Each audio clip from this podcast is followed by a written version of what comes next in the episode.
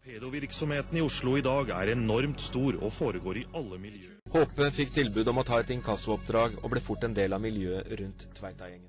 Hei, jeg heter Mattis Bjorheim, og du hører nå på Åpen dialog. Han har vært med i VM og EM, er nordisk mester og tre ganger norsk mester i boksing. Han har arbeida som livvakt for en av Oslos milliardærer.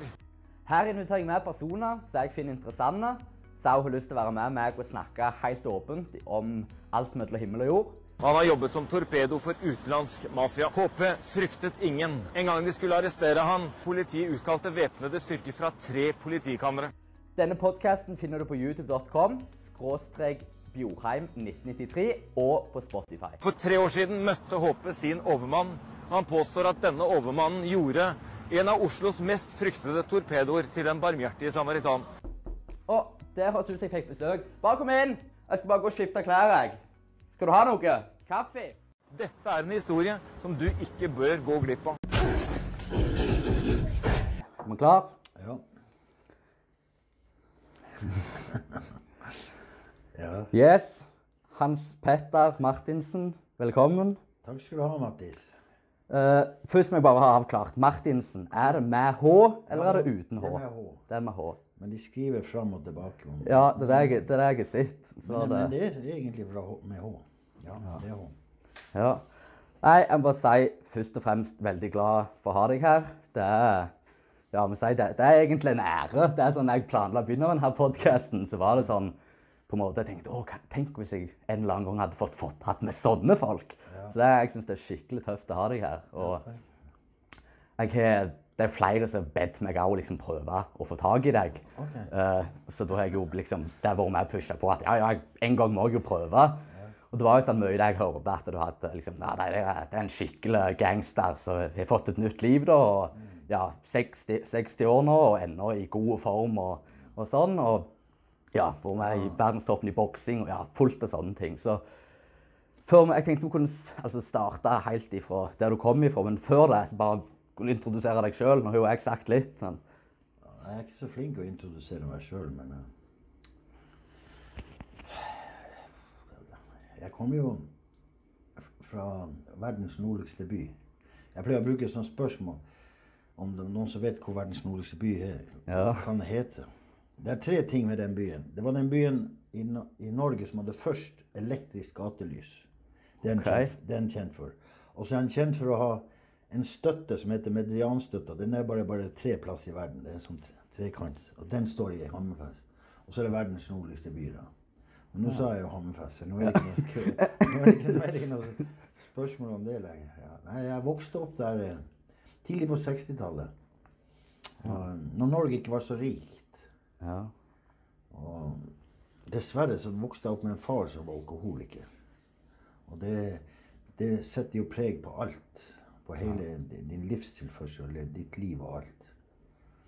Og Norge var jo ikke så rik som den var nå, så det fantes jo ikke noe særlig penger hvis du ikke hadde penger. Så, så du kunne gå på fattigkasse, men det ville ikke mora mi gjøre. Så vi klarte oss med det hun klarte å skrape sammen. For far min drakk opp alt. Når du er alkoholiker, så drikker du altså, Det er rart med det når du blir enten narkoman eller alkoholiker. Så, så blir du så selvsentrert at du må, må, du må bare ha det. Dekk dine behov. Og det er jo sånn det. Så jeg vokste opp eh, ja. Det som andre unger hadde, det kunne ikke jeg gjøre. Så, så jeg, et, jeg, følte sjøl at jeg var sånn andreklasses menneske helt fra begynnelsen av. ja. For hver gang jeg spurte mora mi om noe, så Nei, det er for de rike, sa hun. Alt sammen. Og så tenkte jeg ja, vi kommer jo aldri til å bli rike. Så jeg, så jeg, but, jeg fant meg i dette med å bare være sånn ja, Alt det som en andre gjør, reiste på klasseturer og sånne ting, det, det, det kunne jeg aldri være med på. For det var jo bare for de rike, som mora mi sa. Stemmer. Ja. Og du vet at det, når, man, når man ord, det skaper det man tror. Eller det, skaper det man taler ut. Ja. Så jeg trodde alltid at det skulle være for hele mitt liv. Men det viste seg at det ble ikke sånn. For at eh, Jeg var på en søndagsskole en gang. Og Da fikk jeg høre om Jesus. Og jeg var bare fem-seks år da, den gangen. Og, og, og, eh, og da husker jeg at eh, Jesus kom for å hjelpe oss å gjøre godt. Så tenkte jeg, Fins det en sånn mann, så vil jeg tro på han. For det begynner, begynner faktisk med det. For jeg tenkte at alle fedrene var sånn som min far. Jeg turte jo aldri å be noen, eh, be noen komme hjem til meg. For jeg visste jo ikke hvilken form faren min var i. Han var alltid i bakrus eller i en sånn forferdelig eh, situasjon. Så jeg hadde aldri unger inne hos meg. Og jeg fikk jo aldri lov til det heller. Vi hadde lita leilighet. Før det så bodde vi du vet, eh, Hammerfest den brant ned under krigen. Så det var ikke et eneste hus til de som flytta tilbake. Det var kun bare et lite kapell som sto igjen, av en hel by. Tyskerne brant alt før de dro. Så de som kom tilbake, de har jo hatt en forferdelig jobb. Tenk å komme til en, en askehaug og begynne å, bygge opp den, og i det kalde klimaet som er der oppe. Så de har nok hatt mye traumer, de folka som vokste opp der. Så, og da satte man opp sånne brakker. Det er bare enkle bord som blir satt opp sånn, for å ha ly mens man bygger. Så det blir satt opp, det blir en hel brakkeby som blir satt opp, for det er jo det enklest. Og, og der bodde folk.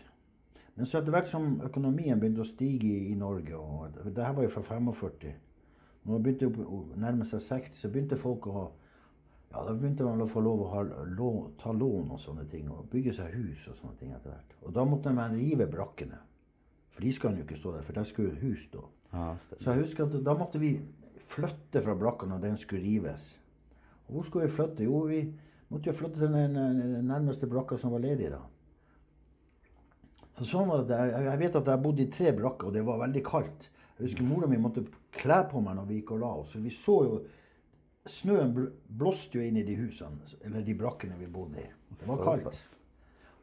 Ja, det var en enorm vinter der oppe. Her oppe her nede er det ikke vinter. i. Nei, det er Nei, Så, så jeg husker at vi, altså Før vi flytta til den blokka da, som heter Bybo, som ble bygd opp da Det ble en sånn blokk, og der fikk vi et, eh, en, en liten leilighet. da. Det var 120, 24 leiligheter i.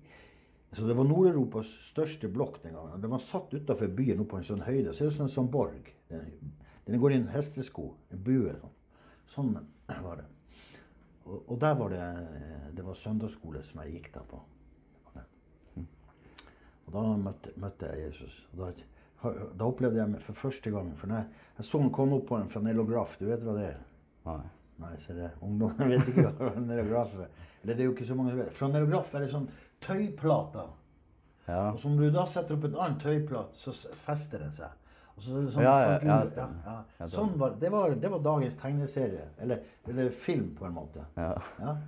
Så når, den, når Jesus kom, jeg husker jo fra søndagsskolen og satt opp, og så fikk jeg høre alt det gode om han. Ja. Og så tenkte jeg wow, fins det gode, snille menn? tenkte jeg. Ja. Men det var jo, for jeg tenkte at alle var sånn som faren min.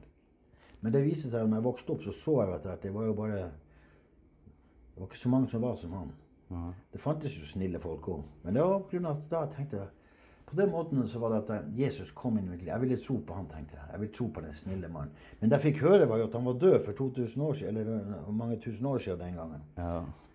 Men det viste seg at han var jo ikke Det står jo at han er jo ikke død. Han har jo stått opp fra de døde. Så jeg har fått oppleve mye av det etterpå. Han har vært med meg siden den gang.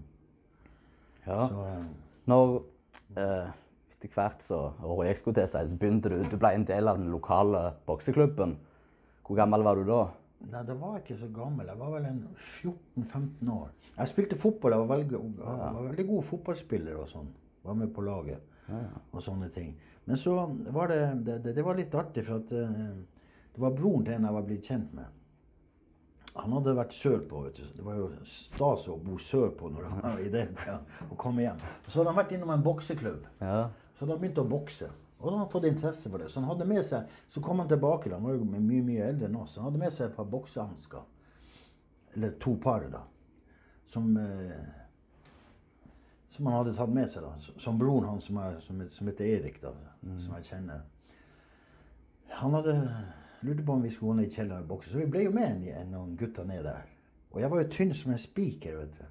Jeg var, jeg var, jeg har alltid vært tynn og, og lett. Og eh, så tok vi jo på oss hanskene, det var det som var så artig. Med en gang jeg tok på de hanskene, så boksing går ut på å, å treffe andre i ansiktet og ikke bli truffet sjøl. ja. Så hadde jo Jeg vet ikke, men det bare lå til rette for meg. Jeg, var, jeg, jeg traff alle. Og, for, og så var jeg snart borte igjen, så de traff ikke meg. Så det var det lov til meg, dette med boksing. Så sånn var det jeg ble, ble veldig interessert i boksing. Men det var ikke noe særlig boksemiljø i byen da. Men så vokste jeg litt opp. Så var det en bokseklubb der. Men så gikk det veldig fort Uh, Jeg ble fort bedre enn til og med boksetreneren, for jeg hadde sånn talent. Og da tenkte jeg at jeg må Jeg har lyst til å komme og bokse mer. Ja. Men det var ikke noe mer der i, i Finnmark. Og så var jeg på et boksestevne i Tromsø, og så ble jeg kjent med noen i, i Trondheim. Eh, og der var det godt boksemiljø. Så der, de inviterte meg til å komme dit. Så jeg tenkte når jeg var 20 år, så pakker jeg bilen, og så hadde jeg fått meg en kjæreste altså, som, ble, som ble kona mi etter hvert. Da. Så hun ble med da på turen. Men så ble, skjedde det noe så merkelig. Jeg var på vei til Trondheim, så tenkte jeg nei, jeg orker ikke dit. For hun, hun som hadde med meg da, kjæresten min, hun hadde en søster som bodde i Oslo. Så jeg sa vi kjører heller til Oslo. da. Og sånn var det at jeg havna i Oslo. Og da eh, var jeg innom bokseklubber der. Så ble vi der. da. Så der tok jeg meg jobb, og så begynte jeg å bokse. ja, og det var jo ja, bare oppadstigende derifra. Den første NM så fikk du sølvmedalje. Ja. Stemmer det?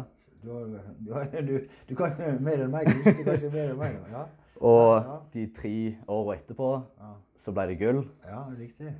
Uh, og ja, du var på landslaget. Første året du vant gull, da fikk du av kongepokalen. Stemmer ikke det? Det? 84. Ja. Jeg fikk- Ja, var det da jeg fikk, ja, fikk jeg kongepokal nå? Ja. Ja. Først, Ja, første året NM så fikk du ja. kongepokalen. Uh, Eller var det andre året, kanskje? Nei, det må ha vært det andre året. Ja, det var noe Ja, Kanskje du, det. hvis Vi- du, ja, hvis du har sagt det, så er det greit. Så jeg tror det. ja. Ja. Og så var det jo den her ja, kjente kampen som fikk se litt av når du, du gikk opp mot den danske. OL-håp. Ja. Og det var vel nordisk, finalen i nordisk. ja. Og ja, så jeg så du her klippet når du slo knockout på han i første runden. da. Ja. Ja, det var en veldig merkelig kamp.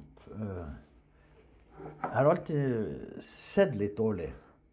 Så, men da hadde jeg vært hos øyenlegen, så hadde jeg fått linse. Så når jeg så når han kom opp i ringen, så så jeg ansiktet hans. Han var redd.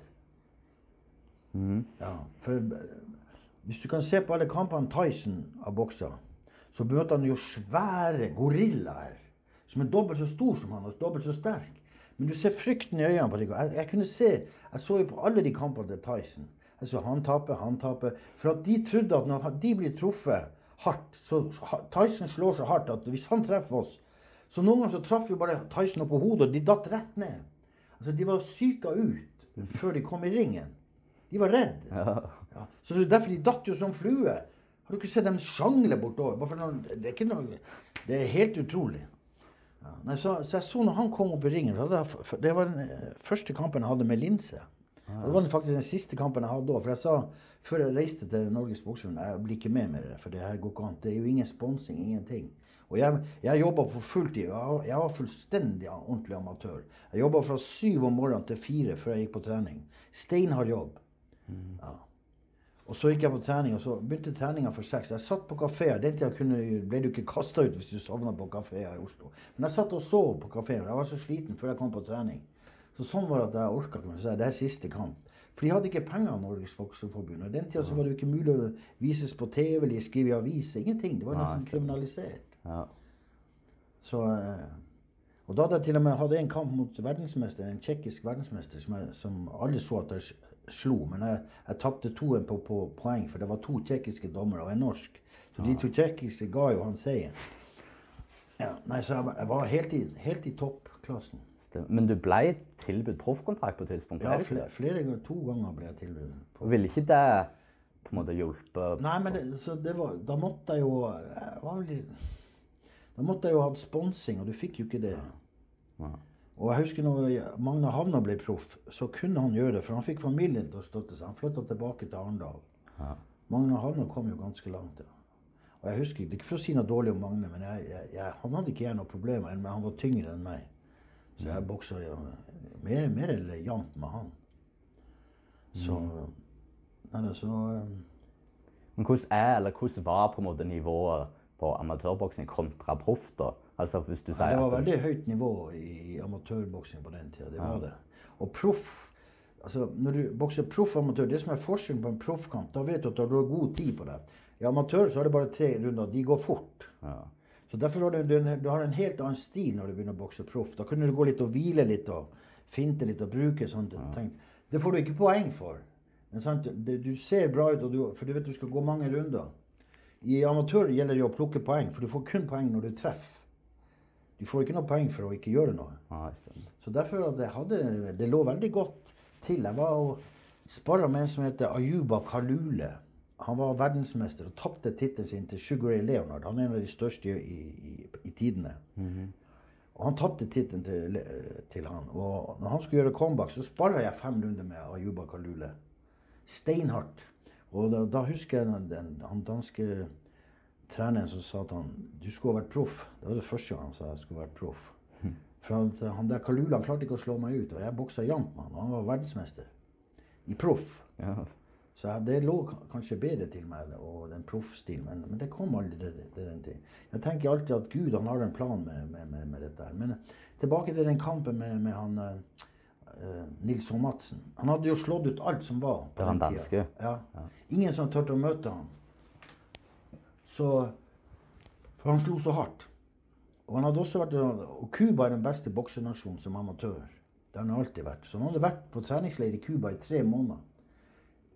Vet du hva vi i Norge fikk lov? Vi fikk lov å reise ei helg til, kanskje til Sverige eller Finland. Ei helg på treningsleir. Det var det de hadde råd til. Så, så derfor at når, jeg kom ut i det internasjonale samfunnet og bokse, sånn, så møtte jeg jo folk som har ligget i treningsleir i tre og fire måneder. Så kommer vi med Vi hadde en treningsleir ei helg borte i Finland. Så var, vi var jo amatører på helt nivå. Og han hadde akkurat kommet tilbake fra treningsleir i Cuba. Tenk å få vært ned i Cuba og trent med, med de beste. Det hadde han vært, og han hadde slått ut den cubanske verdensmesteren før han kom. For han slo så hardt. Så alle tenkte jo at det, her, det skulle bli lett match mot meg. ja, jeg leste jo det. Var, han var klar favoritt, liksom. Ja, ja. Og ikke, men, det, men det de hadde, kanskje hadde glemt, for jeg hadde møtt han i noe som heter Stockholm Open. Det er liksom en av de største boksestevnene i løpet av året. Er, du har København Bokscup, så er det Stockholm Open. Og det Norway Box Open. Det er de, de største turneringene i Norden. Og da kommer det folk fra hele, hele verden. Og da møtte jeg han Nils og Madsen i en kamp der.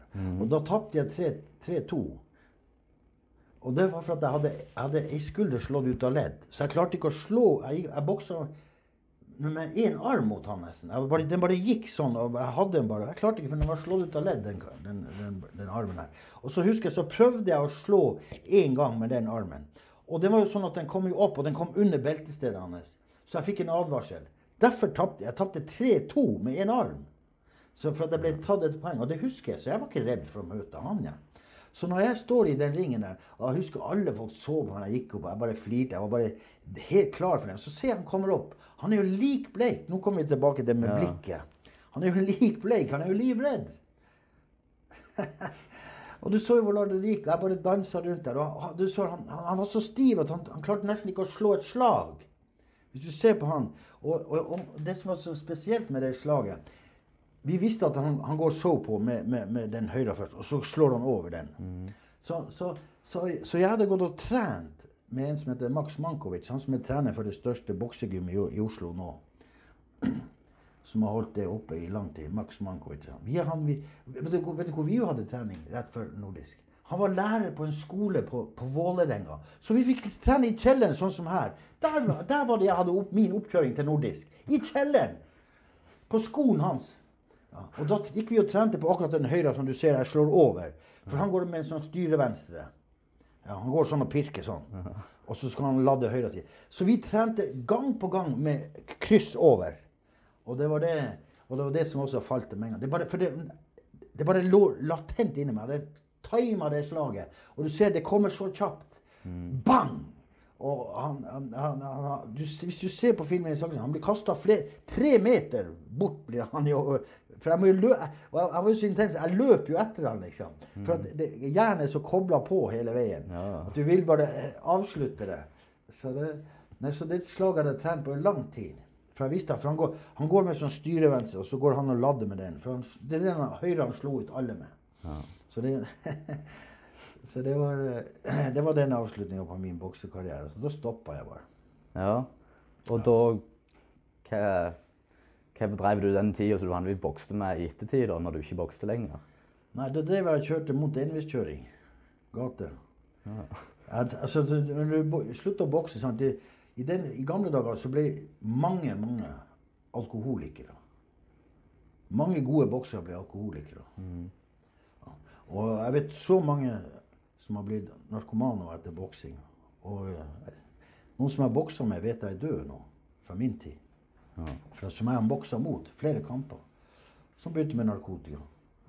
Ja, du Og jeg havna jo der til slutt. Men før det så var min måte å få adrenalin Jeg bodde i Oslo, så jeg, jeg, jeg fant meg en sånn enveiskjørte gate. Og det er jo ganske sprøtt. Jeg tenkte at Hvis jeg klarer å komme gjennom den enveiskjørte gata før det kom biler imot meg, så var jeg liksom Yes, da hadde jeg gjort en, en liksom bragd den dagen. Det er jo galskap. Du satte jo faktisk andre sitt liv i fare. Så, så du mangla noe liksom i, i, i livet ditt etterpå. ja. Det for det adrenalinet med å gå opp i ringen For du vet, når du kommer opp i ringen, da er det liksom at da, oh, da er du hjemme. Men før, før enhver kamp så er det en enorm spenning. Og du ser jo, Det er derfor at alle disse kampene du ser, så blir det lagd en enorm spenning i det. Men når du kommer i ringen, da er du, opp, da er du, da er du klar, liksom.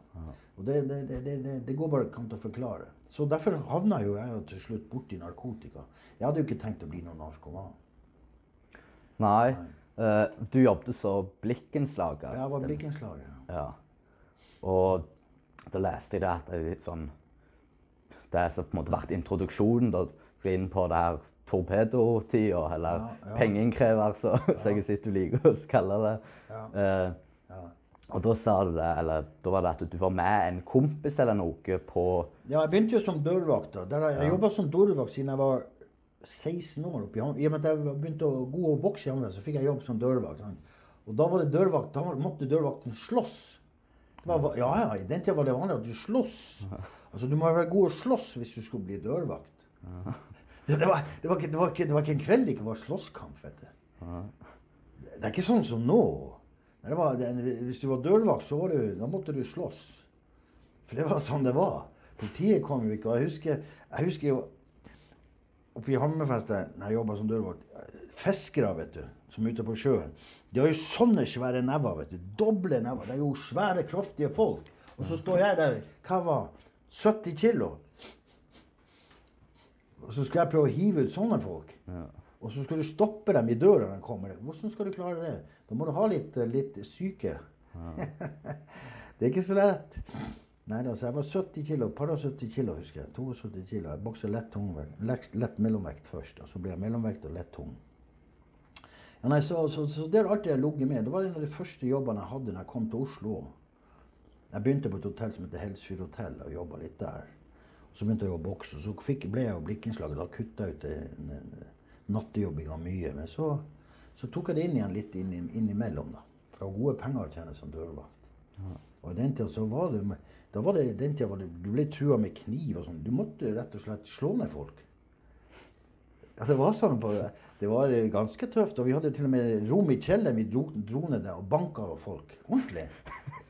Ja, helt, ja, ja. ja. Hvis det, sånn, for det var mange som kom og lagde bråk om og om igjen. Så jeg husker vi dro dem ned i kjelleren og ga dem ordentlig juling. Ordentlig gammeldags juling. Sånn Det, det, var ikke sånn det, var- det var skikkelig, altså. Og det var ikke, ja, det var ikke snakk om noe politi inni det bildet i den tida. Nei, det er nå i det siste verden er blitt så, så myk. ja, hvis du lagde bråk på utestedet, så ble du banka. Ordentlig. Ja, det, det, eller, eller, det, du ser jeg har et stort kutt her over øyet. Ja. Jeg husker jeg skulle gå ut og hi, en, hive ut en eh, og han, Jeg tenkte ja, han fulgte med, men han var, han var smart. Og vi kom til trappa. Så snur jeg meg, så skaller jeg meg rett ned. Men jeg klarer å holde han. Men jeg kjenner at det skjer noe her. Så hele øyet det detter ned. For jeg har jo sydd 20 sting innvendig før det måtte stå utvendig. For alt datt ned. Han traff meg rett her, vet du. Så hele øyet datt ned sånn, og det åpna seg jo her. da sånn. Men jeg klarte å holde han da til de andre vaktene kom. Og da husker jeg Det var jo også sånn det var, det var sånn jeg begynte Det var faktisk jeg som begynte å gi disse du vet disse bøtene som skjer rundt omkring nå. Du får bot hvis du ikke betaler til, til. Og da var det faktisk han samme karen som når du spurte om hvordan vi begynte å innkassere penger. For da, for da, for da jobba jeg på en av Oslos mest uh, populære plasser. Og da var det han som sa til meg For jeg sa til ham Jeg har ikke lyst til å gi han juling. Jeg har ikke lyst til å banke han opp igjen. Det, det blir for enkelt. Men så sier han til meg jeg gi han en bot, da. Ja. Ja, 10 000, sa jeg. Så skal han slippe. Og sånn var det jeg begynte med. Så jeg var en av de som begynte med denne vet du. Så, så, så derfor at jeg ga ofte folk bøter istedenfor. For når du, vet, når du banker dem eller avstraffer dem, så er ikke det noe vits. Nei, jeg likte å gi bøter, for det, det svei jo. Ja. Ja, så, så, sånn var det jeg bygde opp litt av ja.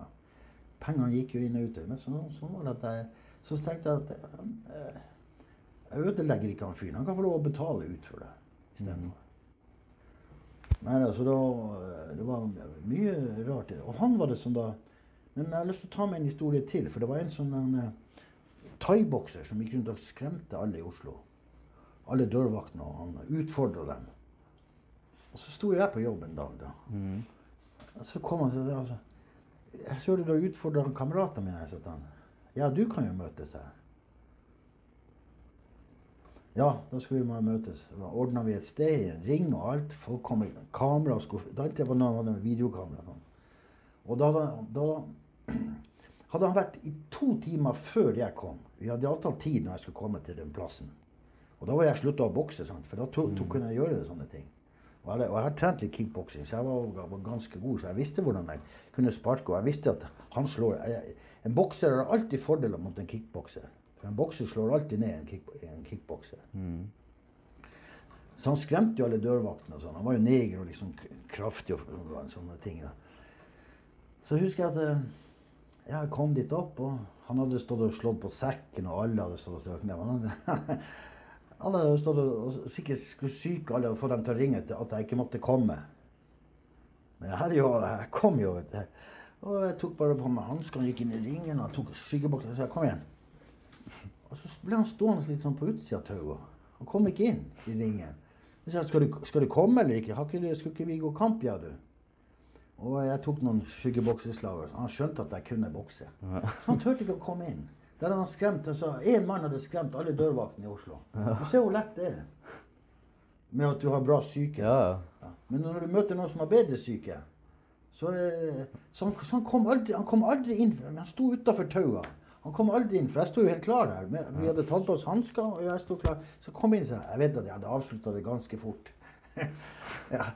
Eh, Og, og da var det eh, Jeg jobba jo som blikkenslager i tillegg. da. Nå kom noe, Det tar litt lang tid å svare på spørsmålet. Men eh, jeg hadde jobba på et sånn nytt uh, utested som var bygd opp. Og det var en sånn Playboy som Og jeg husker det var flere, jeg orker ikke å si navn, som hadde investert i dette der. Som de kjente. For jeg vil ikke rippe opp i andre folks. Nei, ja. Nei. Og så hadde jeg gjort en liggeslappejobb der til ca. 30 000. Tror det var noe sånt. Og det, firma, og eh, det firmaet som jeg jobba for da, de fikk ikke de pengene. For de betaler meg ut lønn, og så fakturerer jeg dem. Og så, men så sier han vi får ikke pengene hos oss, hos han karen her. Og da var det jeg snakka med han ene, han dørvakta som, da, som, som heller ikke turte å møte han bokser, men som da sa at, at jeg kunne ta, få møte han. Så sa han jeg kan bli med deg opp, og så går vi og bare og viser han regninga. For det er jo det, det, det, det, som du begynner med innkasso. Jeg kaller det innkasso. sant? Du skal betale noe du har, som, som du har fått. Og jeg hata urettferdighet. Jeg gjorde det. Jeg visste at jeg hadde jobba der oppe, og, jeg, og han ikke hadde betalt den regninga. Og jeg husker når vi kom opp der, så var det selvfølgelig en sånn jappe som bodde Penthouse-leilighet. Det er de øverste oppe beste vestkant. Kalte det for Penthouse-leiligheter. Og der jeg husker at han hadde noen dørvakter der og sånn som passa på seg. Alltid sånne bodyguarder. Så gikk jeg og spurte om han skulle skal du betale denne regninga eller ikke. Jeg har jo gjort jobben. Og så ser jeg på dem som eh, satt rundt ham. Har dere noe imot at han, be- betaler dette her? For, jeg var ikke redd. Det var sånne store karer. For at Hvis jeg hadde sagt noe sånt, så hadde det jo blitt en konfrontasjon. Men de, de så at jeg sikkert hadde noe i Altså Når du ikke er redd, så, så, så skjer det noe med, med, med, hele atmosfæren. Jeg er jo ikke den personen i dag som jeg var da. Uh, og da eh, De rista jo på hodet, da. Men det er greit, da betaler du. Så dagen etterpå så var det betalt. Og så, og så tenkte jeg at det der hadde jeg jo veldig Det der kan jo jeg Det der har jeg jo veldig sansen for. Ja. Sånn jeg, den, tiden den tida så tjente jeg vel en 20 25 000 i måneden. Tenkte det kan jeg jo bare tjene på et minutt på sånn som jeg holder på med det her. Det er bare noe Ja. Så sånn var det man, man begynte, liksom. Så jeg hadde jo sansen for det. ja. Da ble du etter hvert ja, en del av et måte, kriminelt miljø, Ja, mer og mer. Og det-. Jeg så det ble nevnt jeg leste om Tveita-gjengen, at det ble en del av det. eller? jeg, var ikke med der, men jeg var en del oppå der. For de, de var eksperter på både på, både på, på all kriminal... Altså med, med, med, med, med innbrudd og alt som de kunne gjøre. Det, det ble en, en berykta gjeng, da. Ja, ja, for jeg leste jo at det, spesielt en som en del kjente via Tveita-gjengen, den de kalte for Bønna. Ja. Var veldig, han var vel en frykta torpedo som liksom mange kjente til. og uh, det, var, jo- var jo snakk om det at det, når måte, de anmeldte meg til politimannen, så sa de at det var ikke vits i noe med Bønna, for han hadde kontakta venner i politiet. at Hvis de tok han inn, så bare ble han fri igjen. Ja. Og der endte jo til slutt med at han ble skutt av en fra samme gjengen. da. Ja. Og, og andre medlemmer i Tveitingen. Det var vel faktisk medlemmer derifra som hadde, gjorde det her Nokas-ranet og Munch-maleri. Maleriene. De, Ja, Madonna de og var involvert i det. ja, med, men du var ikke en del av gjengen. men det var, Nei, liksom, var det var det. litt av miljøet. Ja. Ja, jeg var involvert i, vet det samme. Men det som er litt artig med Nokas, for da var jeg slutta. Mm. Men eh, så måtte jeg inn allikevel til avhør. For det, det, det gjorde de bare for å få mitt DNA, husker jeg. tror jeg. Men de hadde fått, de, de hadde fått tips om jeg hadde kjørt fluktbil. da. Og jeg, sa, jeg var, det, var ikke, det, var, det var ikke min sterke side å kjøre bil. Nei, så, så jeg, måtte, jeg var innom det. Men da hadde jeg vært kristen i to år. Så jeg hadde jo veldig god alibi og alt ting. Så det, så det var litt artig det også. Jeg satt der inne med de to Kripos-etterforskerne. Og jeg var jo full av Den hellige ånd og frelst og ny, og jeg satt jo bare der og babla til dem og snakka. Så jeg tror ikke de fikk så mye ut av det avhøret. Jeg ble aldri avhørt igjen. Stemmer. Så var det da altså den her eh, Kom litt inn på det torpedoen nå, da. Så ble det nevnt at du både gjorde oppdrag for alt fra utenlandsmafia, til at du var livvakt for millionærer. og hva var hvordan, altså, Ja, kom du der, jeg, jeg, jeg begynte jo øh, Når jeg begynte som Derfor er det ikke pengeinnkrever. For jeg begynte og, og fikk tak i øh, sånne um, inkassobrev fra, fra, fra inkassofirmaer. vet du. For de sender jo bare brev i postkassa. Og de hiver dem jo. Når du får et inkassobrev, så i den tida så heiv de jo. Og på, i begynnelsen av 90-tallet så var det mye som heter konkursryttere. Og dem tror jeg ikke var noe særlig høyt i, i, i, i Hva skal jeg si De var ikke godt likt av politiet heller, de. For den kanskje hva han kunne gjøre Han kunne bestille et fantastisk stort varelager på firmaet sitt. Og når han hadde fått hele varelageret, så slo han seg konkurs. Ikke betalt noen ting. Men så startet han opp igjen med, med, med et nytt navn. Og så kunne han ta av det varelaget og begynne å selge på nytt igjen. Så enkelt var det i den tida. Ja. Og det var sånne ting eh, jeg reiste rundt på. Og da likte jeg å reise rundt. Jeg dro ikke hjem til folk og trua dem eller familie. Jeg hadde veldig en sånn Jeg likte ikke at unger og barn ble trua. Det hadde ikke noe med det Vi må forholde oss til han som det gjelder. Mann, når mannen i huset har gjort noe, så skal man ikke gå utover familien. Jeg hater sånne ting. Jeg vet jeg satte livet mitt mange ganger i, i, på spill for å hindre at gjengene gikk på både barna og, kona. For at jeg sa nei, da må det gå gjennom meg først. Det, det, det, dere får ta han som har gjort det. Ikke hold For dem beskytter jeg. Jeg gjorde det faktisk. Og det fikk jeg ingen penger for. Men jeg bare kjente en sånn rettferdighetssans som lå inni meg helt fra, fra tida som antagelig Jesus kom inn i meg. Han hata urettferdighet. Ja. Nei, så øh, Hvor jeg var? Ja, så da fikk jeg tak i disse brevene. Og jeg reiste jo på, på kontoret eller ute i, på arbeidsplassen der de var. Jeg dro ikke hjem til folk. Sjelden jeg gjorde det. Da må det være noe helt spesielt. Som jeg visste det var Og jeg, jeg likte ikke å, å, sånn at familien fikk vite om det. sånne ting. Så jeg drikker jo Og da satt jo som regel i disse svære Jeg husker mange sånne svære, feite men jeg var feit og uekle, de folka mange ganger. Og når jeg kommer inn der, så har jeg med meg det inkassobrevet. Og da spør jeg skylder du de pengene. her? Har du fått de varene? Og så det jeg lærte meg å gjøre sånn, Jeg kunne jo sikkert ha det er dumt det, det, altså, det er ikke, det, jeg, jeg tror jeg måtte ha vært, fått litt kunnskap om det. For jeg, jeg, jeg avstraffa ikke folk. For at det er mye verre å tenke på hva gjør han galningen der hvis jeg ikke betaler.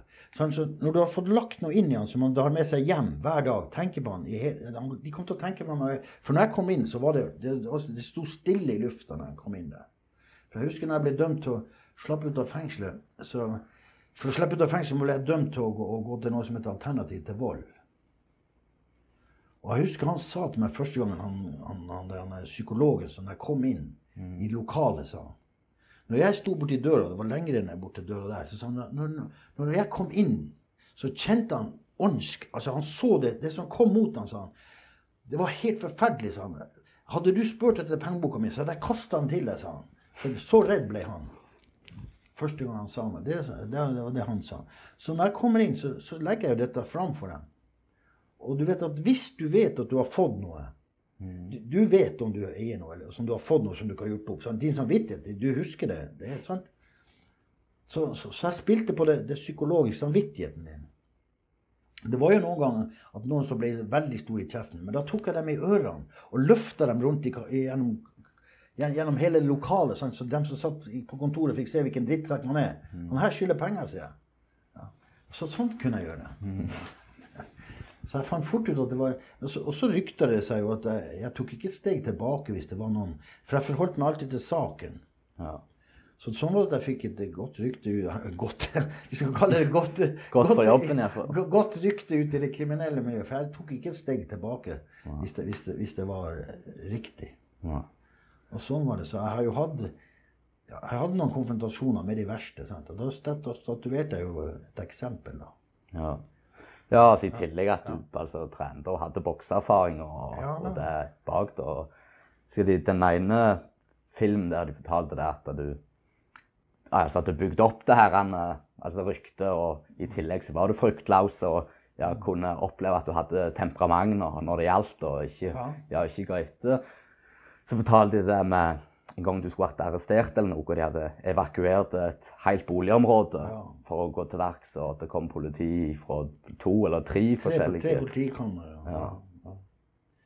ja. nei, det var sånn jeg Og så, så, hadde jeg jo Det var jo det. Men, men så hadde jeg jo skaffa meg en sånn attest. Jeg kunne kjøre uten hjelm, vet du. Mm. Jeg var en av de få i Norge som kunne Og den, denne attesten har jeg ennå. Jeg er lov å kjøre motorsykkel uten hjelm. da. Og det er klart at eh, i begynnelsen så lurte de fælt på det. så det, når, de skulle stoppe meg, så kom de aldri etter med én bil. Men de måtte plassere seg flere, for de turte aldri å stoppe meg hvis det var bare én bil ute. De hadde sikkert ja, jeg, hadde, jeg hadde mange artige opplevelser med det. Den her syns jeg er veldig god. Jeg kjørte forbi politihuset. Så kjørte jeg alltid jeg hadde en sånn frakk. Jeg kjørte alltid i frakk og sånn. Kjørte for å gå i politihuset, så ser jeg spaningsbilen som står kommer ut der. Og de følger etter meg bo, bo, bo, bo, full, og setter på sirene. Men så kommer jeg opp det som heter Galgeværkrysset. Så jeg kommer akkurat over. Og de fikk rødt. Så jeg de, og, og, da begynner bilene å kjøre. Så de ble stengt over. Jeg kom over. Mm. Men jeg stoppa bare, bare, og venta på de der. Og, men da hadde en av de der hoppa ut på rødt, sant? så han sprang over, over, over, over gata mellom bilene. sant? Mm. Og, så, og, og, Jeg hopper jo av sykkelen og skulle hente papirene mine, for jeg hadde dem i sidetaska. Jeg hadde laminert dem, for de hadde krølla dem sånn sammen. For de papirene var verdifulle. Så jeg hopper av sykkelen og kommer. Og så, så, så, har jeg jo sånne bevegelser, og så det utseendet jeg hadde. Så han stopper liksom sånn, sånn som borte Rolf der, tre-fire meter. Så stopper han. Han blir helt stiv. Og jeg står ved sykkelen min. Og han, kameraten han står jo på rødt på andre sida med, med blålysa på. Og så har jo det politiet De har jo, sånn, de har jo skiltet hengende rundt, rundt Spannerne har politiskiltet hengende rundt her. Ja. Og så Og så tar han opp det, og så står han og skjelver. Og han får ikke sagt et ord. Altså Han er helt, han, han fryser. Står og skjelver. Så sier han Prøver du å fortelle meg at du er politi? Ja. Ja. Ja. Altså, altså det, jeg, jeg, gjør ikke dette for å, for, for å Men jeg syns bare det, det er helt sånn merkelig opplevelse. Og så, og så står han Han klarer ikke å snakke, vet du. Og så sier jeg sant, Du har stoppa meg for at jeg kjører uten hjelm. Ja, ja, ja, ja. Så han klarte ikke å snakke, så, så, så stiv han. Så det er klart at politiet hadde et, Det var jo det du sa. Politiet trodde at det var sant, som de, Når de hørte at det var noe med meg, så mobiliserte de Ja, det var jo tre politikammer den gangen. Ja. Men hvordan var det, da? For at du sa det at det var sånn typisk greie når dere kom gående på, inn på en uteplass eller på en bar, så var det liksom dørvakter bare etter side, slapp dere til, og dere styrer. Liksom, det må jo ha føltes på en måte godt for Ja, dere, liksom, ja, at dere altså, det er klart, det var en enorm, det er en enorm selvtilfreds. sant? Mm. Og så når du da har tatt litt kokain og amfetamin, så blir du jo, du blir jo helt konge. sant? Ja. Og det var jo sånn at når du Hvis jeg kom inn på stappfulle plasser Og det var ikke bare i, det var ikke bare i Norge. Det, var, det, det, det, skjedde i det skjedde i utlandet noen ganger. Det var alltid på de mest populære plasser så var det lange køer. Og jeg husker jeg bare gikk rett mot dørvakten. Svære nedgjørende. Jeg bare gikk, hilste på dem. Liksom. For de så når jeg kom med gullsmykkene mine. Sånn. Altså, det var bare noe sånn at de bare steppa til sides. Merkelig. Men det var den åndskrafta som er i, i, i den ånden. Så, så jeg husker det, og før jeg kom på plassene i Oslo, så det var bare at jeg kom inn. Så er det jo stappfullt foran baren. Sånn. Folk står bak og vinker og skal bestille. Men når jeg kom, så var det bare sånn at det bare åpna seg opp, og så går jeg rett inn til baren, og da står drinken der. Det var sånn. Det var helt Det var, det var en, det var en, det var, det var en fantastisk følelse. Men på slutten, så jeg husker etter at Når dette livet dabba ut Den siste gangen jeg var på byen sant, det, var det, det var jo helt Det var helt dødt. Jeg likte ikke i det hele tatt dette her. Ja. Det var, det, hva, hva hjelper det om folk ser opp der når det er pga. frykt? Det var ikke verdt noen ting. Så det var en av de siste gangene jeg var på byen. Det var, det var tomhet. Det var, det var, alt kom til tomhet. Og hadde ikke jeg kommet til det steget at Jesus kom inn i mitt liv, så hadde jeg vært død sånn som alle de andre. For alle fra min tid er døde død i dag. Nesten alle sammen. Men hvordan påvirka det? Du hadde jo familie. Hvordan ble de påvirka når du på en måte bygde opp det her? Ja, det var? Jeg så jo ikke det, men det gikk jo mest utover dem. Mm. For du er så, blir så nærsynt at du ser ikke det. Du, eh, familien min bodde jo hjemme. Jeg husker Kona mi var jo livredd til slutt. Stakkars. Men hva var da? Altså Min reaksjon på ting og sånt jeg Ja. kunne jo knuse ting. Det er klart at Noen ganger så var jo hun redd. Og jeg husker bare at jeg hadde jo lagd sånne egne regler ute i gata og sånne ting. Og så var det en som brøt den regelen. Det, var, det, det snødde mye på Østlandet. Det var så mye snø da. Så våkner jeg sånn i ellevetida med en, en dieselbil som står og bakker på utsida. Men Hvem i alle dager er som har turt å stoppe på utsida her? Er ingen biler, og ingen motorsykler fikk lov, og mopeder fikk lov å kjøre forbi. De måtte leies forbi huset mitt. på Nesset. Ja. Og det var For da de som bodde i gata, de visste hvem det var. De gjorde det òg. Så våkner jeg med den, den lyden der. Og jeg hiver på meg slåbroken. Jeg husker at det er en grønn slåbrok. Og jeg ser kona, hun blir jo livredd når jeg kommer ut fra utførelse.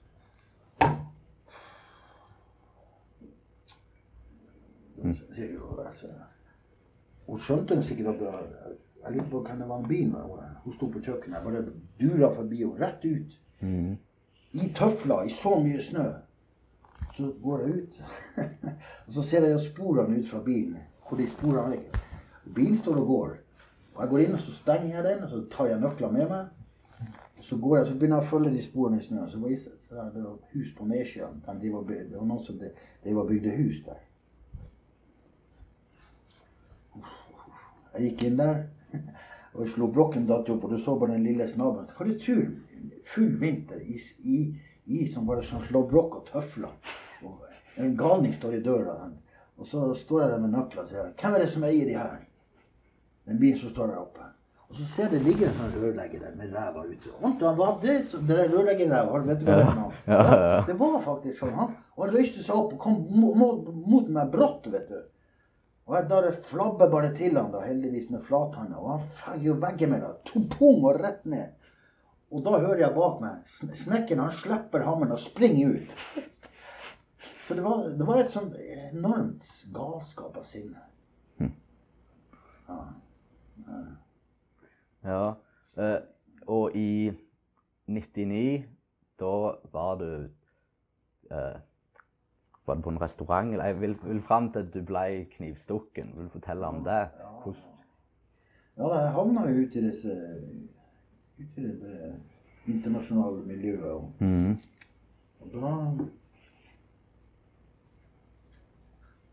var en sak på Palais i Oslo. Ja. Snakk om noe penger. og disku- Det var alltid, makt og penger å diskutere. Og Jeg husker jeg hadde med meg et par stykker. Vi, satt ved bordet ved siden av. Og, men det jeg ikke visste før jeg kom, vet så satt de andre to på den sida. Så, så hadde han ene plassert en sånn liten kniv under bordet. Så du vet, når vi sitter og diskuterer, så ble jeg litt sånn u... Ja, uoppmerksom. Mhm. Og så ser jeg at han hopper inn, og så velter han bordet på en måte. Men jeg kjenner ikke det, men da har han stukket meg inn her. Han risper opp hele her. Hovedpulsåra som er, den er livsfarlig. Det er mange som har tatt livet av seg sjøl med bare på skade og sånne ting. Og hvis du får kutta den, så får du ikke stoppa den. Du blir tom for blod etter ett til to minutter. Men hvem, hvem var de her? Altså Ja, det var en utenlandsk mafia. Var Noen som vi hadde diskusjoner om, om penger. Ja. Og posisjoner og stillinger. Og jeg husker jeg slår ned de to der. Ja. Og da ser jeg blodet. Men jeg går jo bare ut og det er ned trapp og ut på gata på Karl Johan, og det, det er ganske mye blod. Wow. Og jeg står nå der og skriker, og jeg, jeg, jeg har nok litt innabords av både det ene og det andre. Så etter hvert, og Politiet de stopper, de kommer ikke nært. Det står liksom midt på Karl Johan. Det er den mest trafikkerte gata. Dette Palais Det er det der alltid sitter folk på fortau. og alt. Det er alt, det er det mest trafikkerte på hele Karl Johan. Og eh, til slutt så kommer det vel to spannere. Så sier de du må komme deg fortest inn på, på sykehuset. For jeg ser jo blodet bare pumper ut. Ja. Ja. Jeg kjenner jo ingenting. Jeg er jo så høyt i adrenalin og liksom og, Men jeg ser jo at det ser ikke bra ut. Og folk er jo livredde. Så, ja, så jeg, jeg setter meg nå inn i bilen. Så kjører de, og så kjører vi bort til akuttmottaket i Oslo. Og det, når vi kommer dit, så sitter de to som skulle ta livet av meg, de sitter der med sånne her. For jeg har knekt nesen på begge to. Så de sitter i kø og skal inn på legevakta. Så du kan tenke deg, det har gått en ganske lang tid når de har klart å komme seg dit før meg. Ja. For de sitter jo da i køa, for de, det, det er kø der. Og jeg går jo bare rett inn, inn forbi dem. For jeg vet ikke om jeg blir båret inn. hvordan det var. Jeg blir iallfall geleida rett inn og sydd igjen. Og, og liksom, han legen sa du må ha englevakt. Så, så Gud har vært med, for det står faktisk i Skriften at Gud har sendt sine engler til å passe på de som skal arve frelsen. Det står i Det nye testamentet. Så hadde jeg en annen episode òg. Jeg hadde jo ligget hjemme og blødd i to dager. Mm. Og da eh, kom jeg altså inn, inn, inn, inn, til, legen. Og han som, som- som Da skulle det ikke vært liv, men jeg kom inn om kvelden. Og jeg ble lå der hele dagen etterpå. Og Da var det, da var det nesten ikke noe liv i meg. Men jeg husker når han kom. Og han kom ikke før langt utpå dagen. For han hadde med seg Når hovedlegen går visitt, så har han med seg sånne lærlinger. De kommer i hvite frakker. De går med og ser på til hver alle pasienter. hvordan de er. Så jeg så bare masse sånne hvite frakker. Og tenkte, og den fantastiske tilstanden jeg var i, som jeg var i himmelen. Å, det, jeg, det er sikkert, er det er sikkert engler det her. Det var det jeg tenkte. Og så jeg husker jeg rakk ut hånda på han. Og da var det legen sa, for han satt og så på journalen og sa han her, han her, han her er jo død. Han skulle jo ligge i likkjeller. Han er jo tom for blod. Ja. Og da ble det eksplosjon, skulle jeg si. Full fart opp på intensiven. Og der måtte sykepleierne for jeg var eh, inne på kjøla og hente blod, og så tinte de det på brystet sine for å få temperaturen. For så akutt var det. Og da overlevde jeg. Og da var det han sa at han hadde sjekka alle legevitenskapsbøkene. Fant ikke ut hvorfor jeg levde. Så han sa bare at eh, ja, han sa, Du er et mirakel. og det er jo det, vet du, det, det det står i Det nye testamentet. Det er jo om englevakt og mirakler. Det det eneste, Den boka han ikke sjekka. Han har sjekka alle legevitenskapsbøkene. I 14 dager hadde han funnet ut- prøvd å lete ut hvorfor jeg overlevde. Skal vi bare se hva klokka er. Ja, vi har enda en god tid. ja. Klokka er kvart på tre. Eh, ja. Og det var jo det at da, hva skal jeg si, politiet sa jo, eller hadde jo det merket på da, at du var, var du sinte, så var du utilregnelig. Og de var liksom ja, helst redde. Ja, Og- De hadde ikke lyst til å rykke ut når de hørte at det var for det hjalp meg. Nei. og så, ja, hvis de i tillegg var innblanda, så sier det var kokain, amfetamin eller steroider eller ja, hva det var. Og det var en, han ene, jeg vet ikke om det var en, kompis av deg som sa det, at hvis, hvis en skulle stoppe, stoppe HP, da var liksom pistol det var, det var eneste løsninga. Men, men så var det en annen løsning òg, så du skal fortelle, få fortelle om nå. Hva som gjorde at du kom vekk fra torpedomiljøet og traff din overmann, som de sier. Ja. som jeg sa, jeg ble jo så avstumpa på slutten at du kommer til en tomhet. Ja. Så så jeg jo at eh, flere av dem jeg kjente, var døde. Og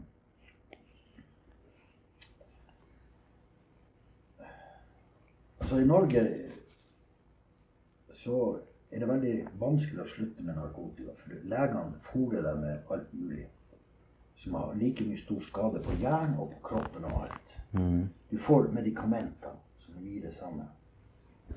Og jeg husker at etter, etter en jul så var jeg så nedkjørt. Og jeg hadde jo en narkoman. Han deler ut av det han har for å få ordentlig narkotika og sånn. Det er sånn man bytter i det der med preparatene vi får av legene. Men så hadde jeg jo gjort det, og alt var tomt. Alt var stengt, og ikke mulig å få inngrep. Jeg hadde resept på alt. Jeg hadde til og med resept på steroider også. Jeg fikk fyrt opp med alt med det. Og, ja. Men så Og da hadde jeg ligget et par dager, og jeg hadde ikke sovet på et par dager. Jeg så ikke ut, vet du. Og du vet at abstinenser, det er åndskrefter som sliter deg i stykker fra innsida. Al altså organene dine, de er ødelagt. Så de virker ikke lenger. Derfor når du får narkotika, sånn, så døyver du det. Derfor det er derfor at legene gir ut narkotika. Det er for at du- man skal slippe disse abstinensene. Men jeg hadde det, og jeg lå der. Og jeg tenkte hva faen, jeg kommer meg ikke ut engang. Jeg hadde sikkert spydd og dritt på meg sjøl. Det, var- det er ikke fint å se på en, en narkoman som er på nedtur. Og da hører jeg en stemme.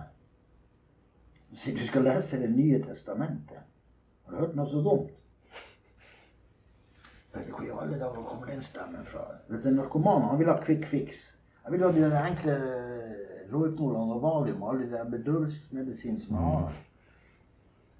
Og så, og det var ikke mulig å få tak i det. Jeg kunne komme meg ikke noen plass. Åh, det var akkurat på de verste hellig- helligdagene. Og så hører jeg en stemme si du skal finne Det nye testamentet. Tenkte jeg. Etter noen ganger så tenkte jeg hvor jeg skal prøve å finne det. Hei. Jeg bare kjapt bryte inn og beklage at lyden er litt dårlig akkurat nå. Han HP er litt aktiv når han snakker, så mikrofonen tok kvelden. Men tre minutter ifra nå, så er lyden god igjen. Med det samme vil jeg benytte anledningen til å si at hvis du liker filmen eller innspillinga, så setter jeg veldig pris på om du trykker 'liker' eller legger igjen en kommentar under filmen på YouTube, eller bare deler filmen til ja, venner og kjente. Enjoy fortsettelsen. Så der var det det kom til. Så tok jeg ut i alle nattbordskuffene. Det var jo bare porno. Men under siden blant der fant jeg Det nye testamentet. Og så tok jeg det opp sånn. Nye testamentet. Nye testamentet. Og så ser jeg inn i etterpå. Det har jeg gjort etterpå. Det står 1976. Eller nei, 1975, da jeg ble konfirmert Ja. i Hammerfest. Hvordan har det havna der, liksom? Jeg har jo flytta mange ganger rundt omkring. Jeg fant det. Og så tok jeg det, da. For det er stemmer så. Du skal lese Det nye testamentet. Og jeg kunne ikke lese, for det hadde vært masse undersøkelser. Han som jeg når jeg slapp ut. Og jeg har gått hos hvitfrakk og alt det du kan kalle det. sånn. De har ikke sett et så ødelagt menneske. Jeg var fullstendig ødelagt. Jeg kunne ikke lese engang. Jeg kunne ikke snakke på slutten. Jeg lagde bare lyder. Jeg grønta og stønna. Så det bare fløyt. Men jeg åpna den opp, og jeg så Johannesevangeliet. har jeg sett at det stått. Så jeg står og holder det sånn. Så ser jeg bokstavene flyter. og Det var litt sånn, det var litt sånn dårlig norsk også, syns jeg. det. Men jeg ser, jeg sitter sånn, og så sovner jeg. Åh. Og all, all abstinenser, all åndskraft, all smerten forsvinner. Du kan tenke deg når du vet når du har hodepine eller tannpine, når det forsvinner Du kan gange det med 100 når du har eh, abstinenser. Du vet jo når du har hodepine, når det slipper. Ja. Du kan tenke deg når, når det her, dette slipper, og du endelig kroppen åh, Så sovner jeg. Så våkner jeg jo etter 20 minutter. Men dere som hadde sovet i 20 timer. Åh, det var godt. Åh, kroppen. Og så tenkte jeg, hva det var jeg brukt? Det der må jeg ha mer av. Det der var godt. Det hjalp. Men så ser jeg jo så kom, Hvor er det henne? Hvor er det stoffet henne? Hvor er det? Vi har ikke noe stoff, da er det boka. tenkte jeg, ja, ja. Men sant, det, jeg hadde ikke så lyst til å ta så mye av den, for da må du gjøre noe. Sant? Du må ta til og gjøre noe. Så, så, så ble det jo hverdagene. Ja. Jeg fikk tak i reseptene mine og innleverte valium, råhypnol jeg husker ikke alt det andre. Men så tenkte jeg det var noe med den boka der. Den hadde gitt meg noe. Så jeg tenkte jeg går nå bort og, blitt, eller, og, og ser den i ny og ne. Av og til. Så leser begynner jeg å lese litt og litt, litt og mer og mer. Og jo mer jeg leser den, jo mer forståelse får jeg av de, de medisinene jeg bruker her. Og de ødelegger meg jo like mye narkotika. Er jo faktisk bare statsnarkoman. Jeg tenkte jeg må prøve å slutte med det, men det fikk jeg ikke lov til. Og det står start på pakken, kan ikke sluttes med. Så Det er ganske spesielt når du har det med leger, når du kommer inn på det. For jeg har skrevet ganske mye om det i den boka 'Dødens epidemi'. Der skriver jeg om alt hva narkotika gjør med oss, og hvorfor man blir narkoman, og hvor den kommer fra, og hvilken skade den gjør. Og jeg har tatt opp en hel del om det med leger også. Det som ingen, ingen tør å skrive om. det. For det er ganske rart at Her, Mattis, du er syk. Nå må du ta det her, så blir du frisk. Det gir jeg deg til en lege. Vi må ha med den her. Ja. Så det, det gir jeg deg, Mattis. For at du skal bli frisk. Men når du føler at du ikke vil ha det mer, så sier du til legen nei, jeg vil ikke ha det. Så sier legen nei, det kan du ikke slutte med, for det er farlig. Så skjønner, skjønner du ikke hvor dum folk er? Ja. De, de, de, forstår ikke hvilken feil de går altså, Først så får du medisin for å bli frisk. Altså Medisin er jo der for at du skal hjelpe deg til å bli frisk. Jeg er for all medisin. Å ja, jeg er ikke mot medisin, for medisin har hjulpet meg mye. Men hvis du fortsetter å bruke medisin og medisinen min, så har- har medisin alltid bivirkninger, sånn at andre organer blir ødelagt. Det ødelegger immunforsvaret ditt. Derfor er medisiner må brukes kortsiktig. Og når jeg da hadde lyst til å slutte på det, så, så fikk jeg ikke lov. Hvor dumt er ikke det? For det er farlig. Nei, så det jeg gjorde da Jeg tenkte ja, ja, da får jeg bare ordne opp i dette her sjøl, da. Så jeg begynte å dele tablettene i fire. Tok inn mindre og mindre. Og det gikk veldig fort. Og jeg leste mer og mer her. Mindre og mindre medisin. Sånn var det jeg ble, ble fri. Så det som ingen medisiner klarte, det som ingen politi klarte, det som ingen resepter klarte, det som ingen avrusning klarte, det klarte Det nye testamentet. Det er grunnen til at jeg sitter for det er Guds ord, dette her. Det virker, det, det går aldri ut av dato. Så det virker. Det satte meg i stand. Sakte, men sikkert så begynte jeg å få tilbake taleegenskaper. Jeg hadde lyst til å begynne å leve. Jeg vet ikke hvor mange har prøvd å skyte meg, tatt livet av meg. For det, man blir veldig suicidal av narkotika. Og man mister livsgnisten. Man, man ser ikke mer. Man blir så kald og kynisk og følelsesløs at man ser ikke hva man ødelegger rundt seg. For bare, man blir bare så selvsentrert at det, det er bare deg sjøl det handler om. Ja.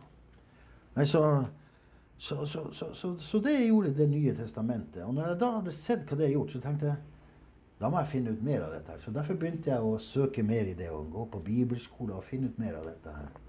Og det, det har gjort livet mitt til det det er i dag. Det, det, det, har satt meg i stand, og jeg har hjulpet mange andre ut med å, med å bare bruke den samme veien. Det, det er ikke noe hokus pokus. Men sånn er det. det Du, du fortalte at du opplevde en, en hendelse på om du var på trening. eh, også at du ja. så noe eller opplevde noe Ja, ja, for jeg hadde innleda treningsstudio hjemme. Jeg begynte å trene hjemme og hadde det bra. Og jeg kjente at det var noe som ville ha meg ut av dette her. eh, dette destruktive livet og hjelpe meg. Men jeg tenkte hvis det er Gud Nei, det kan ikke være Gud, for han liker bare snille mennesker som ikke synder, tenkte jeg. Og jeg vet jo, jeg var jo den største synderen av alle. Men jeg husker jeg hadde jo noen kristne borti gata som bodde i samme gata som meg. De merka når jeg gikk ut døra hjemme, 300 meter unna, så merka de åndskreftene. Da snudde de. De kom, ville ikke møte meg. Det var, det var en sånn ondskap i hus rundt der jeg bodde også. Folk solgte jo husene sine rundt meg. Det var, det var, det var mørkt og dødt. Og etter jeg ble kristen, så blomstra det opp på alle bygde hus. På de minste små flekkene bøyde det. blomstra opp der. Og det, det hjalp jo meg òg veldig mye. Han som kjøpte tomta som var ved siden av meg, han turte jo aldri å bygge på den. Han ga den bort til broren sin. Og broren turte å bygge først da jeg ble kristen. For jeg husker folk var ute og sov, og skulle kjøpe den tomta. Og de bare visste, de bare kjente hvor ondskapen var der. Jeg hadde ikke, jeg hadde ikke gjerde på utsida, men det var ikke en eneste person som kom innpå. Og, og bikkja mi, som den gang ikke var kristen, den stoppa. Den var livredd. Han, for den hadde, var så redd meg. Hva rasehund var det? Hadde en blanding mellom bokser og rottweiler. Så ut som en sånn stor bulldog. Det var en fantastisk hund. Og med en gang jeg ble kristen, så måtte jeg kjøpe bånd til den. Det var litt artig, for da forsvant den frykten. sant? Jeg, han gikk med min side. Jeg hadde ikke bånd, sånn som folk leier hund. Det var bare sånn. Ja. Og han hadde ikke lenker rundt herringa, så folk var livredd. 'Har du ingen bånd på den?' Nei, han går inn på meg. Og han gikk ikke utafor eiendommen. Han visste hvor, han, hvor eiendommen var. Veldig merkelig. Det var ikke gjerde engang. Med, med en gang jeg ble kristen, da forsvant den der. Da måtte jeg kjøpe sånn, sånn Da syntes jeg det var flaut å gå lufthavn, for da måtte jeg ha sånne lenker som alle andre hadde. Nei, så det skjedde mye. Og han ble også sjøl kristen, den hunden der. Ja, nei, så det var artig. Nei, så um, hva, hva det var det du, du, var, du var inne på? Treningsrommet. Treningsrom, ja. Og så kjente jeg jo det var noe som kalte meg, men jeg tenkte det var det er fall ikke Gud, men det er noe, det er noe sterkt som drar i meg. Kjente Til og med når jeg trente, så kjente jeg at det var noe der. Det var noe som ville, ta- det var noe som ville ta seg til meg. At, jeg ville Kom her og få hjelp, på en måte. Men jeg, vet du hva, da snudde jeg bare ryggen til og trente enda mer. Ja. Men så, til slutt, så kom jo Jesus sjøl inn i sånn stort speil som det der. Står jeg og trener, og der ser jeg Han hadde langt hår, sånn som du. Og, og det som skjer, er at mitt ansikt er inni hans ansikt. Og så ser jeg wow. Så fikk jeg liksom Så pen jeg ble, tenkte jeg. Jeg ser jo i spillet, det er jo helt vilt. Og jeg kjente en enorm kraft. Akkurat som jeg kunne ta alle vektene på samtidig. Ja. Men jeg tror jeg hadde eh, Før det så hadde jeg bøyd meg ned. Eller, for jeg kjente liksom sånn trøkk i ryggen først. Og når jeg da røyste meg opp, så så jeg. Og fra den dagen ble jeg fullstendig forvandla. For du vet at jeg stjal da jeg var bitte liten. Altså, jeg stjal på butikker, for jeg, jeg tenkte Mora mi sa jo nei, det er for de rike. Så vi kan jo aldri handle noe. Så jeg lærte meg jo ganske liten gutt å gå inn på butikker og stjele. Og de var jo så mye, de merka jo ingenting. Så jeg gikk inn og henta mer der hele tiden. Hentet. Så, så, så, så sånn har det ligget til med hele mitt liv. Altså stjele fra de rike er ikke farlig. Og gi til de fattige greit. Men sånn har jeg vært. Rik, så jeg har stjålet hele veien. Så når jeg pleide å gå inn på butikkene, så pleide jeg alltid Jeg hadde sånn Jeg hadde limt sånne lommer her. Som jeg la matvarer ned i og sånn. Ja. For det var jo helt naturlig. Spesielt rochebiff og sånn. Det var dyrt. Så la jeg bare melk og brød i, i, i Og det gjorde jeg den kvelden. Eh, og, hadde, og da, da var dattera mi Så sa jeg du får sitte i bilen for hun skal ikke se at jeg stjeler. Så hun satt i bilen, og gikk inn og handla. Etter at den, den opplevelsen jeg hadde med Jesus der. Mm. Og det var sånn jeg, sånn jeg linket det tilbake til, til Jesus. For, at, for når jeg kommer inn i butikken og går og putter inn og så akkurat kommet bort etter en uh, rochebiffylla av det maten putter det på innsida der, så er det en stemme som sier Du stjeler ikke lenger. Jeg tenkte, hvem er det som tør å si Det var så klart og tydelig. Så jeg ser meg fra sides. For, for at jeg kunne stjele så Securitas-vaktene så på mange ganger. Det var ikke mange som hadde lyst til å stoppe meg og ta en konfrontasjon om hva jeg hadde i lommene. det var jo bare sånn det var. Ja. Så Så tenkte jeg Jeg prøvde å svare. Jeg stjeler jo alltid. Så jeg står der med vogna. Og så skal jeg gå videre. Men vogna rikker seg ikke. Tenkte jeg, Hva i alle dager? Kommer ikke av gårde her. Vogna står fast. Altså, det, er jo, det er jo sant, det er ikke eventyr jeg forteller. Vogna står fast på gulvet, og jeg, og jeg er ikke sånn liten kar at jeg ikke skal klare å dytte den. Og da gikk hun ro for meg. Så ser jeg mot kassa og tenkte Så da, da har jeg fått samvittighet. For det står, det står at Gud skal ta ut steinhjertet ditt og legge inn et hjerte av kjøtt. Og der skal jeg legge min ånd og min lov.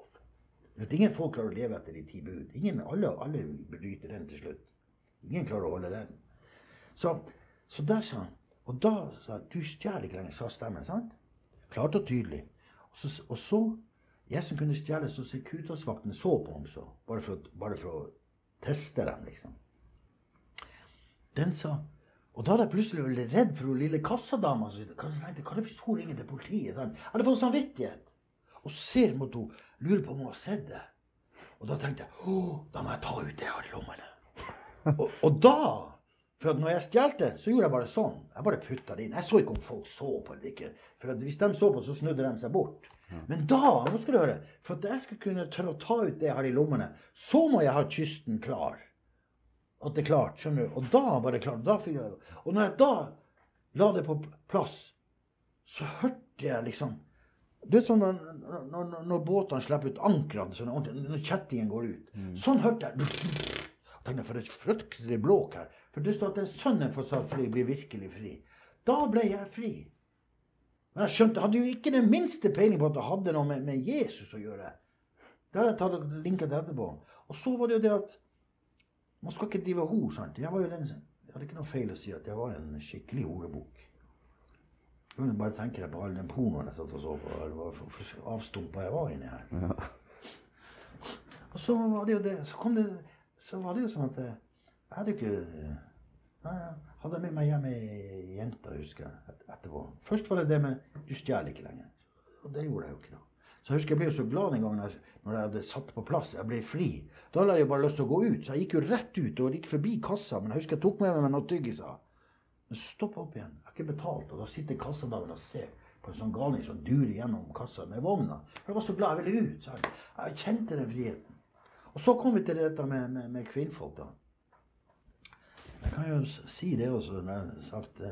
Det er, jo alt det har Altså, alt det har vært, det past. Men jeg husker jeg hadde fått alle med flott, fin dame hjemme. og bo, bo, bo, prøv. Hold på der. og- Hold på der. i- og Jeg fikk det ikke til. Prøvde tre ganger minst. Og så husker jeg da, så gikk jeg bare ut. Så gikk jeg på badet. Så gikk jeg ut akkurat gjennom badedøra. Og da var den samme stemmen som sa der det her er ikke, Den som sa 'du stjeler ikke'. For den kom herfra. Så så stemmen kom ut her og sa 'det her er ikke riktig'. Nei, det er ikke riktig, det her. Det... Og sånn var det.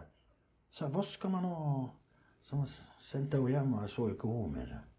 Og Det var nå greit nok. Og, da, og så begynte jeg på bibelskole. Så gikk det faktisk ja, det gikk jo ti år før jeg da hadde kvinnfolk igjen. Tenk hvis noen skulle si det til meg når jeg ble kristen. For da, da ville jeg gjøre det riktig. Og det var ikke noe problem, for jeg hadde ikke klart å slutte med kvinnfolk. Men det som ble lagt inn i meg, det skal riktig, du skal, du skal gjøre det med den du er gift med. sant? Så det gikk jo ti år før jeg gifta meg. da. Fra jeg begynte på bibelskole. Jeg begynte på bibelskole i 2002. Og 2012 gifta meg. Så i ti år, så Ja. Hvis noen skulle sagt det til meg første gang jeg begynte med at jeg, Da hadde jeg jo ikke blitt kristen i det hele tatt. så, så når, når det går med, med Gud på en måte, så, så klarer du å komme gjennom ting som du ikke klarer sjøl. Så det Jesus gjør, han hjelper deg med ting som du ikke klarer i egen kraft. Som er helt umulig. Ingen klarer å holde seg borte fra de ti bud. Men det har Jesus klarer han altså etter hvert.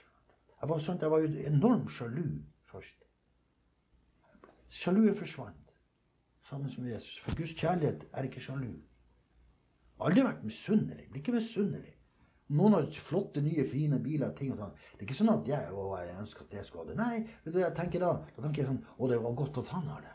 Jeg blir ikke sjalu. Jeg blir ikke Altså, det, det som har tatt litt tid sånn, Jeg har jo vært litt oppjaga og hissig. Det tar litt tid. Men det står 'synd ikke'. Ja, alle disse tingene. Hva, hva står det? 'Bli sint, men synd ikke'. Ja. Ja, nei, så det, så det er det, Jesus han har tatt meg steg for steg, og han holder enda på å ta ting i mitt liv. Sånn at det å være kristen, det skal man bare ta med helt med ro. For det er noe som Jeg hadde jo aldri klart å slutte med narkotika. Jeg har aldri slutta å stjele. Lyge. Ja, husk også det med å lyge, for jeg bedro jo alle. Det kom også imellom mellom dette med sexen. Og, for jeg husker jeg bedro alle kvinnfolk og ljugde og prata. Så plutselig sa jeg Nei, det kan jeg jo ikke si og gjøre til henne. Det er jo feil. Da du, du får tilbake det som du da avstumper og ødelegger. Og så klarer, og så, Det som vanlige mennesker ikke klarer, det gjør Den hellige ånd. Han hjelper oss. Det er sånn Den hellige ånd renser oss for seg selv. Når du tar imot Jesus, så tar du også imot Den hellige ånd. og Den kommer inn i hjertet ditt. Så den er det som tar deg steg for steg for steg. Så jeg tenkte jo mens jeg satt hjemme i mitt eget hus der Du er god, du, Gud. Du ber meg ikke slutte med alt mulig. Nei, det gjør ingenting. Han tar det i riktig rekkefølge. Så jeg husker det tok jo litt tid med det med porno nå. For jeg husker jeg gikk jo på møter på søndagene. Og jeg gleder meg til å komme hjem, for da skulle jeg sette på pornofilm. Ja, Hva hvis jeg hadde sagt det til noen i menigheten? De ville sparka meg ut og kalt meg 'din forderva synder'. Sånn kan vi ikke ha. Nei, Jesus han tar det i riktig rekkefølge. Ja. Så det var ikke så galt. For Gud bryr seg ikke om du eller jeg synder. Gud er Gud. Han er mektig. Han, han, blir ikke sint når du synder eller bryter de ti bud. Det eneste som gjør, er at vi får konsekvenser av det vi sjøl gjør. Så det vil han ikke at vi skal ha. For når vi tar imot Jesus, så blir Gud vår far. Så for første gangen i mitt liv har jeg jo fått en far som holder det han har sagt. Og han har skrevet et testament til meg som var alt det som han har gjort for meg. Det står i testamentet. Det som er problemet med kristne, det er at de vet ikke hva som står i testamentet sitt. Så de vet ikke hva de har arva, for de leser ikke det. Så jeg pugga, jeg pugga mitt testament i 20 år. Du kan tenke deg hva jeg vet. Jeg vet hva jeg har arva, for der står hele arven min. Så Gud han blir ikke sint når jeg synder. Det eneste er at jeg får konsekvenser av det. Men han blir lei seg. Han blir lei seg nå. Akkurat som, akkurat som jeg blir lei med, med, med, når sønnen min gjør noe galt. Da blir jeg lei meg. Men jeg, hadde han som fått ta konsekvensene Han er like mye min sønn for det. Så mange tror at når man har synda, så er man ikke Guds barn lenger. Jo, det er man vel det. Men man må sjøl ta konsekvensen av det. Når du har tatt imot Jesus, så har du en far som ønsker å oppdra deg. Det står at han, han tukter oss. Ja, det kan være litt vanskelig til å begynne med og smertefullt, men det er så mye bra når vi kommer ut i det. Så han gir oss aldri opp. Han, oss, han har tusen ganger nåde til oss. Nåde, eh, altså Moses han kom med loven. Men Jesus han kom med nåden og kjærligheten og sannheten. Så Det er det som er forskjellen på Det gamle og Det nye testamentet. Folk leser seg bort i Det gamle testamentet, som er skrevet til jødene. Så de går helt i spinn. De skjønner ikke hvorfor ikke det fungerer. For de blander Det nye og Det gamle testamentet.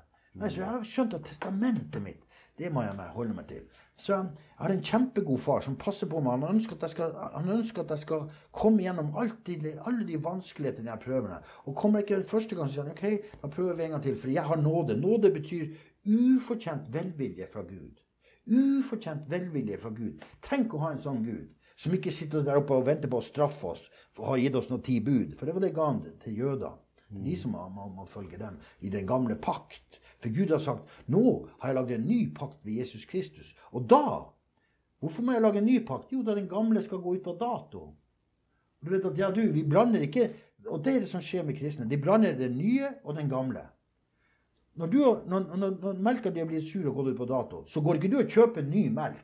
Og så skal vi se om vi bare blander den oppi den her gamle. Sånn det er det de gjør. Det er derfor de ikke får det til å virke. Så religiøse folk de er helt forkvakla. For de skjønner ikke å komme ut i den nye pakt. Og du kan tenke Når Gud har gjort de tingene han har gjort for meg, som er den verste synderen av dem alle jeg, fått, jeg, lever et liv der jeg ikke Jeg får ikke til å synde. Nei, For at jeg har en, en, en kraft inni meg som hjelper meg. Men i begynnelsen, sant, for det står alle blir babyer til å begynne med. Når man drikker melk, så klarer man ikke å skille mellom rett og galt. står i testamentet mitt, i Hebreerne 5,14.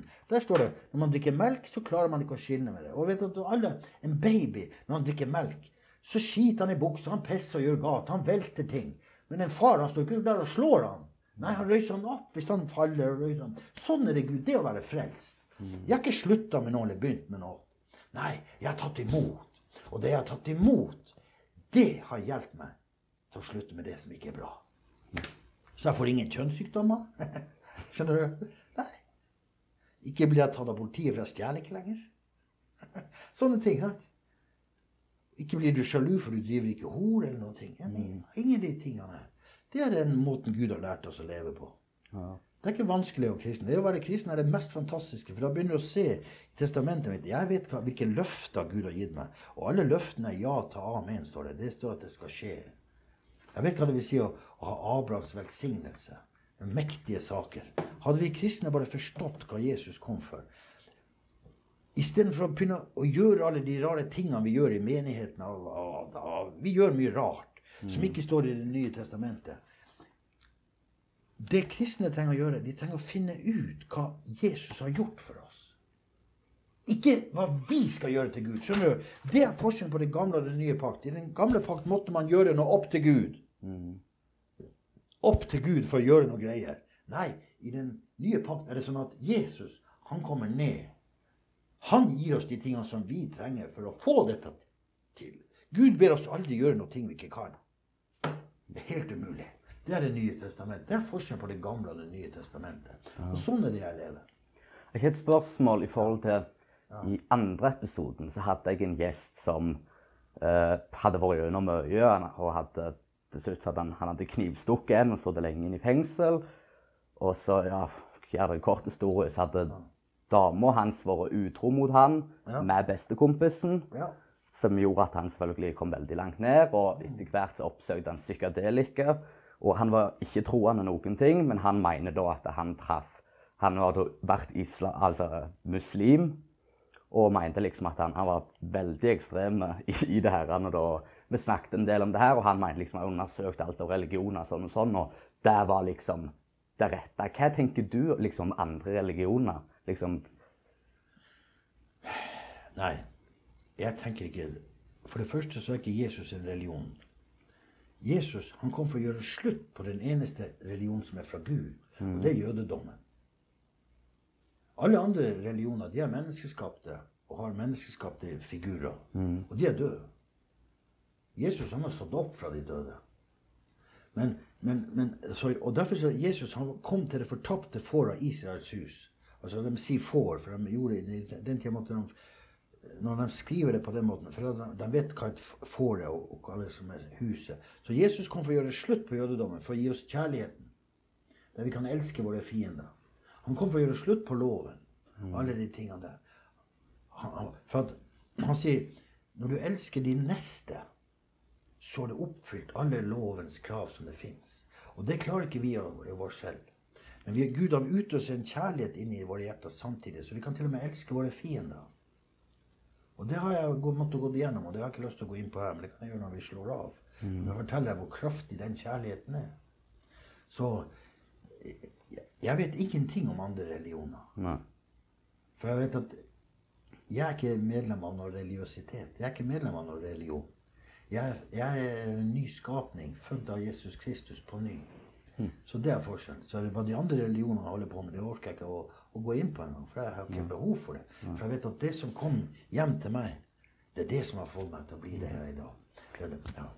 Hva tenker du om sånn så Altså, jeg var, jeg var altså, døypte og konfirmerte meg. Gikk på søndagsskole, reiste mye på leir og oppsøkte og på en måte ville være kristen. Eh, mens i nyere tid så er jeg jeg gått vekk ifra det jeg jeg da vil kalle ikke-troende. da. Og, men jeg er for det at jeg vil si at det være trangsynt og tenke at det du ikke kan se, det fins ikke. sant? Men Er du der? jeg er, altså jeg er der og er liksom ikke troende. Hva tenker du om sånn som meg? For jeg, når jeg ikke er truende, så vil jo ikke jeg heller på en måte investere tid til å være truende, for jeg, jeg tror jo ikke. Så hva tenker du om sånn altså meg i min posisjon da, i forhold til Nei, deg? for at, da har du rett og slett ikke Altså, du, du, du har ikke blitt født på ny og fått innlagt det som forteller deg sannheten. For når du tar imot Jesus, tar imot Den hellige ånd. Da får Den hellige ånd Det er den som tolker deg til å forstå det som står i Det nye testamentet. For det står, for det står her òg, i 2. Korinter 2,14. Det, når jeg begynte å lese Bibelen, så kunne jeg ikke slå opp engang. Jeg var, hadde så dårlig metorikk at jeg reiv i stykker siden jeg gikk på bibelskole. For jeg hadde så dårlig, jeg var så ødelagt. Og jeg husker ikke å klagde til Bibelselskapet at Bibelen var for dårlig. For at jeg så den løsna bak her. Og da hadde jeg ingenting å leve av, så jeg fikk en ny bibel. Så, så det står her i 2. Korinter 2,14. Nei, 1. Korinter 2,14. Den som ikke har Guds ånd, forstår ikke hva de troende snakker om. Det er nonsens for dem. Så derfor forstår jeg at jeg kan aldri fortelle deg, prøve å prakke på deg noe religion eller noe, prakke på deg noe Jesus. Nei, dette må du komme til. Man må komme til sannhetens erkjennelse, og så må man ta imot Jesus. Det å ta imot Jesus Mange sier 'Har du gitt ditt liv til, til, til Gud?' Det er, mange, det er typisk en amerikanske veien. 'I give my life to God'. Vet du hva? Jeg har ikke gitt noe til Gud. Vet du hva? Han vil ikke ha det gamle drittlivet ditt, Mattis. Det er forpesta og ødelagt av denne verdens ånd. Hva skal han med det å gjøre? Nei, han gir deg et nytt liv. Det er forskjell. Så det var det jeg sa. Jeg har tatt imot. Det er det som er forskjellen. For de som har gitt sitt liv, de, de, de, har, de har begynt i feil ende. De har begynt å gi. Og du vet at når du har gitt en god stund, og det er antagelig der du har vært Du har gått på hva du sa du har gått på søndags... Søndagsskole, jeg var på leir. Le, altså, ja, for du har hele tiden Her har Mattis flydd rundt og gjort alle ting. Sånn som de andre religiøse tingene gjør. Men når, men, men når du har gjort det lenge nok, så sier djevelen Mattis, du har ikke gjort nok. Det der virker ikke. Nei, du ser jo sjøl det virker ikke. Hva kan, hør nå, hva kan Mattis gjøre for Gud, liksom? Han har skapt himmel og jord. Som er, som er universets herre. Hva, hva, hva, hva, tror du du kan gjøre? Det, der ser du hvor høy på pæra religiøse folk blir. De tror at de kan gjøre noe for Gud. Hva skulle jeg gjøre for Gud? Så lå det en utarma, mest syndige narkoman som ligger og dreiv på seg sjøl. Hva kunne han gi til Gud? Nei, Gud kom ned og elska han, for står så høyt har Gud elska verden at han ga sin sønn, slik at du, Matti, skal kunne få kjenne på hva det vil si å leve. For han gir deg sitt liv. Altså gudelivet, det, den, den som er i Kristus Jesus, er en ny skapning. Det er et fantastisk liv, Mattis. Du vet ikke hva du går glipp av. Sant? Jeg, jeg er aldri lei meg. Jeg er aldri sur. Jeg har aldri dårlige dager. Jeg. For jeg har lært meg at det som jeg har, det kan ikke Satan ta fra meg. Jeg har Guds glede. Jeg har glede altså, Mora mi døde for et, noen måneder siden. Jeg var glad midt i, midt i, midt i, midt i det. Det er ikke for at jeg er noen psykopat. Nei. Hun var 90 år. Jeg vet hvor hun skulle. Hun skulle til himmelen. Så jeg var glad i Andre satt og gråt. Klart, Jeg kan også gråte akkurat i det øyeblikket. Men jeg, jeg var glad. Altså gleden til, For Jesus sier 'min glede gir jeg deg'. Altså, Jeg har sånn fred, Mattis, pga. koronaen her. Jeg er ikke redd for korona. For jeg har Guds fred. Gud sier 'min fred i deg'. Ikke som verdens fred. Så du kan aldri få den freden jeg har. Du må ta imot det. Og det eneste måten du kan få, få dette her på, det er hvis du tror at Jesus Kristus er Guds sønn. At han har stått opp fra de døde. Og at han har tatt straffen for alle dine synder, Mattis. Det hadde jeg visst det mens jeg sto i kjelleren der, for jeg skulle straffe meg sjøl. Jeg visste at jeg hadde gjort for mye galt. Jeg kan ikke, men det er det Jesus døde på korset for. For dine synder, Mattis. Han har tatt din dom og din straff. Han har tatt din skam, han har tatt alt. Den pornoen du hadde. Han ler, ler av den pornoen du har vært avhengig av. For den har Jesus sona for. Han har sona for alle verdens, hele verden. Det står også i Nye Testamentet. Det er ikke bare våre synder, altså vi som leser den. For det, var kristne folk, nei altså folk som ikke er kristne, leser ikke Det nye testamentet. Men så står det til oss. Han har ikke bare tatt våre synder. Nei, han har tatt hele verden sin synd. For han har forlikt hele verden med seg sjøl. Det er det Jesus har gjort. Det er det du kan få av ham. Så det er klart at når jeg kunne komme et sted og vite at wow Ikke bare har han tatt min straff, han har tatt straffen for mine synder. Så jeg tenker å bli straffa av Gud med det. For Gud straffer ikke folk etter korset. Det var før korset han stekte folk. Etter korset er Gud blitt kjærlighet. Og så er han blitt min far. Jeg har en far jeg kan be til hver dag, og han vet alt. Han er alfa og omega, begynnelsen og slutten på enhver eksistens. Ingenting er skjult for Gud. Han vet, han vet alle våre synder som vi kommer til å gjøre, og har gjort. Dem har han tilgitt oss for. Han vet at vi kommer til å gjøre synd, men han har tilgitt oss for at det fins noe som heter Jesu Kristi blod. Det er blodet som tilgir all synd.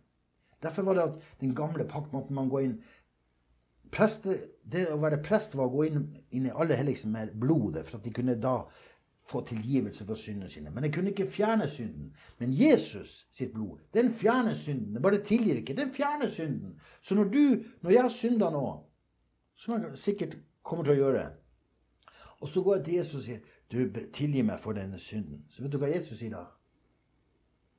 Hvilken synd? For det står at han minnes ikke våre synder lenger.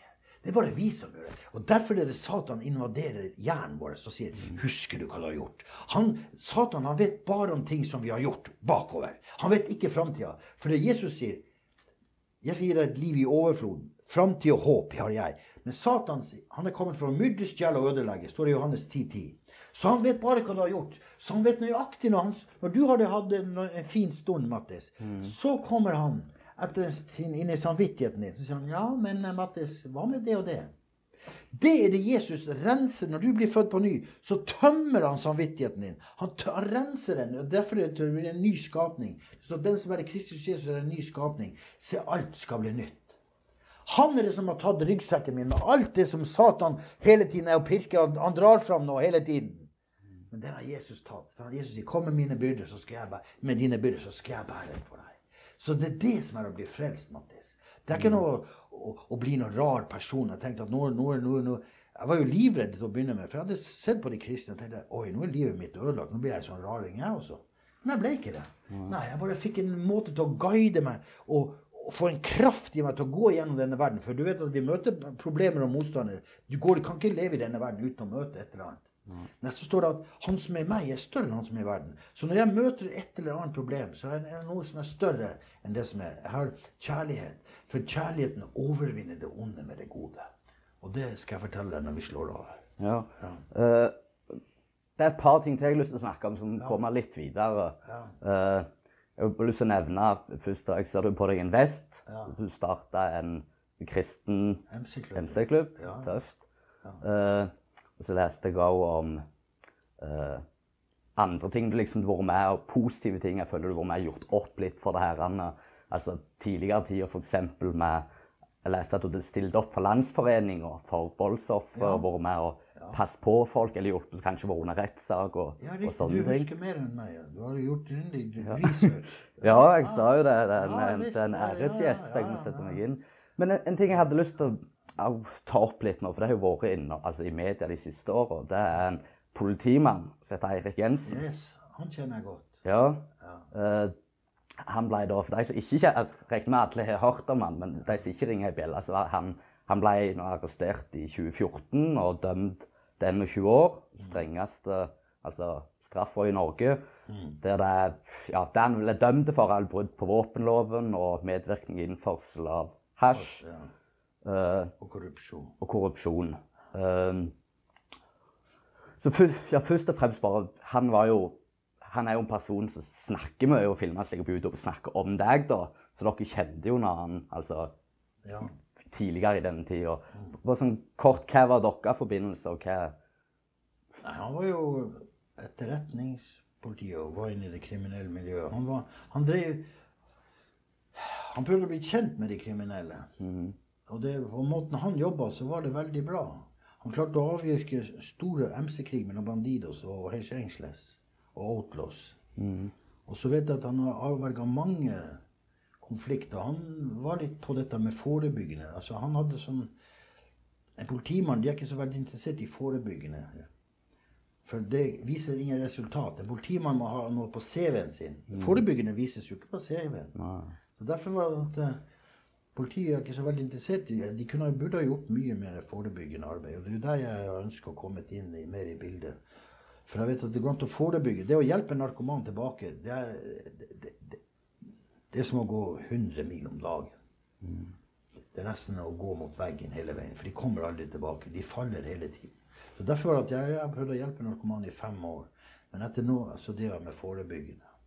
Og det, var sånn, det er så Han var med å, å forebygge litt i, i mitt liv iallfall. Når han forklarte meg en del ting. Så, så, så sånn. Hva tenker du om det, altså, denne saken? da, det er? For det er jo tydeligvis Du sier at han, han prøvde å komme litt inn, innom i miljøet for å liksom å være en sånn fredsmegler, kanskje. han- han Men så tydeligvis har det jo utvikla seg. Ja, så klart at han har blitt utnytta av Cappelen. Mm. For at eh, Ja. Han har nok, altså Cappelen, som har flere hundre millioner, han, han har den snart ferdigsona. Men den fattige politimannen nå, som har gjort noe galt, han har skal de sperre inne for 21 år. Så, man, så de glemmer alt det gode han har gjort for Norge. Han har gjort masse bra. Men han har, han har rett og slett rota seg inn i, inn i en, på en måte, hva skal jeg si, i en blindgate som han ikke har kommet ut av. Ja. Og Cappelen har jo utnytta den for alt i verden. Så det er det eneste jeg kan si, at Cappelen, som har tysta på det kriminelle Norge i 20 år og gått fri Når han først blir tatt, så er det én mann han tyster på. Og det er han som har hjulpet han da i såkalt gjennom 20 år for å være her. Hvor sprøtt er ikke det? Så kynisk er den menneskelige natur. Og det er, den, det, er den han, det, er det som, som har gjort det. Så jeg syns synd i Erik, Erik Jensen. Jeg syns virkelig synd i han, for at han har kommet inn i noe som han, som han ikke har villet sjøl. Men han, han, han har ikke sett det. Det har blitt bare trangere og trangere. Og så har han sikkert hatt det presset fra Cappelen over seg òg. Og Cappelen har jo vært smart. Hvis det er såkalt han som har pussa opp det badet, så har jo han tatt vare på kvitteringer, til og med. Som politiet hadde. Som han, Så han har jo allerede så mange år i forkant I så mange år i forkant har han liksom begynt å gardere seg. Hvis han skulle bli tatt, så hadde han noe eh, kort på handa. Skjønner du? Så han har jo spekulert i dette her i lang tid. Og det er klart at da blir det ikke så lett for Erik Jensen å svare på alle disse meldingene. Det gjør ikke det. Nei, så jeg syns virkelig synd Erik Jensen. Han har eh, Og det er jo småpenger de har klart altså, Det er jo småpenger han har tatt imot i så tilfelle. Hvis det, er det er jo det er latterlig. Jeg, jeg tenker jo det, sånn som når det her kommer fram, og hva, hva som har skjedd, så tenker jo jeg sånn at det er tilfellet der det på en måte har blitt gjennomskua, kommet fram i lys og en dom. Men jeg tenker jo som så at det finnes, de, at det finnes andre saker òg som ikke kommer, kommer fram. Hva tenker du om det? Deler du den oppfatningen, eller tror du at det- altså Da snakker jeg om kort politi, liksom at det Ja, finnes det, det er nok mulig. Men jeg tror ikke Erik Jensen har flere sånne Nei, nei, saker. nei, nei, nei, det tenkte jeg han, han, husk at jeg vet at Erik Jensen han, han har prøvd han, han, han, han var litt inne og hjelpe meg. Han så hvor gal jeg var. Mm. Ja. Og eh, du så han har jo vært to ganger på rehabiliteringshjem med Cappelen. Så de kjente jo hverandre veldig godt. Han har jo ofra mye for dette. Og han har blitt så nært vennskap med han, så det er klart det har vært lettere, veldig lett for Cappelen å utnytte det. For han har jo vært en kynisk mann på en måte. Og så er det jo sånn at Erik Jensen har sikkert du vet, For å få informasjon fra en tyster, så må du gi litt. Så det er klart at han har sikkert ved, ved anledninger gitt fra seg noen opplysninger som han ikke burde.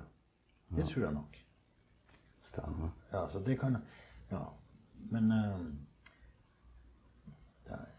så det er merkelig. Merker jeg, jeg, drømte faktisk Jensen i natt. Må, I morges. Veldig merkelig at du spør om det. Ja.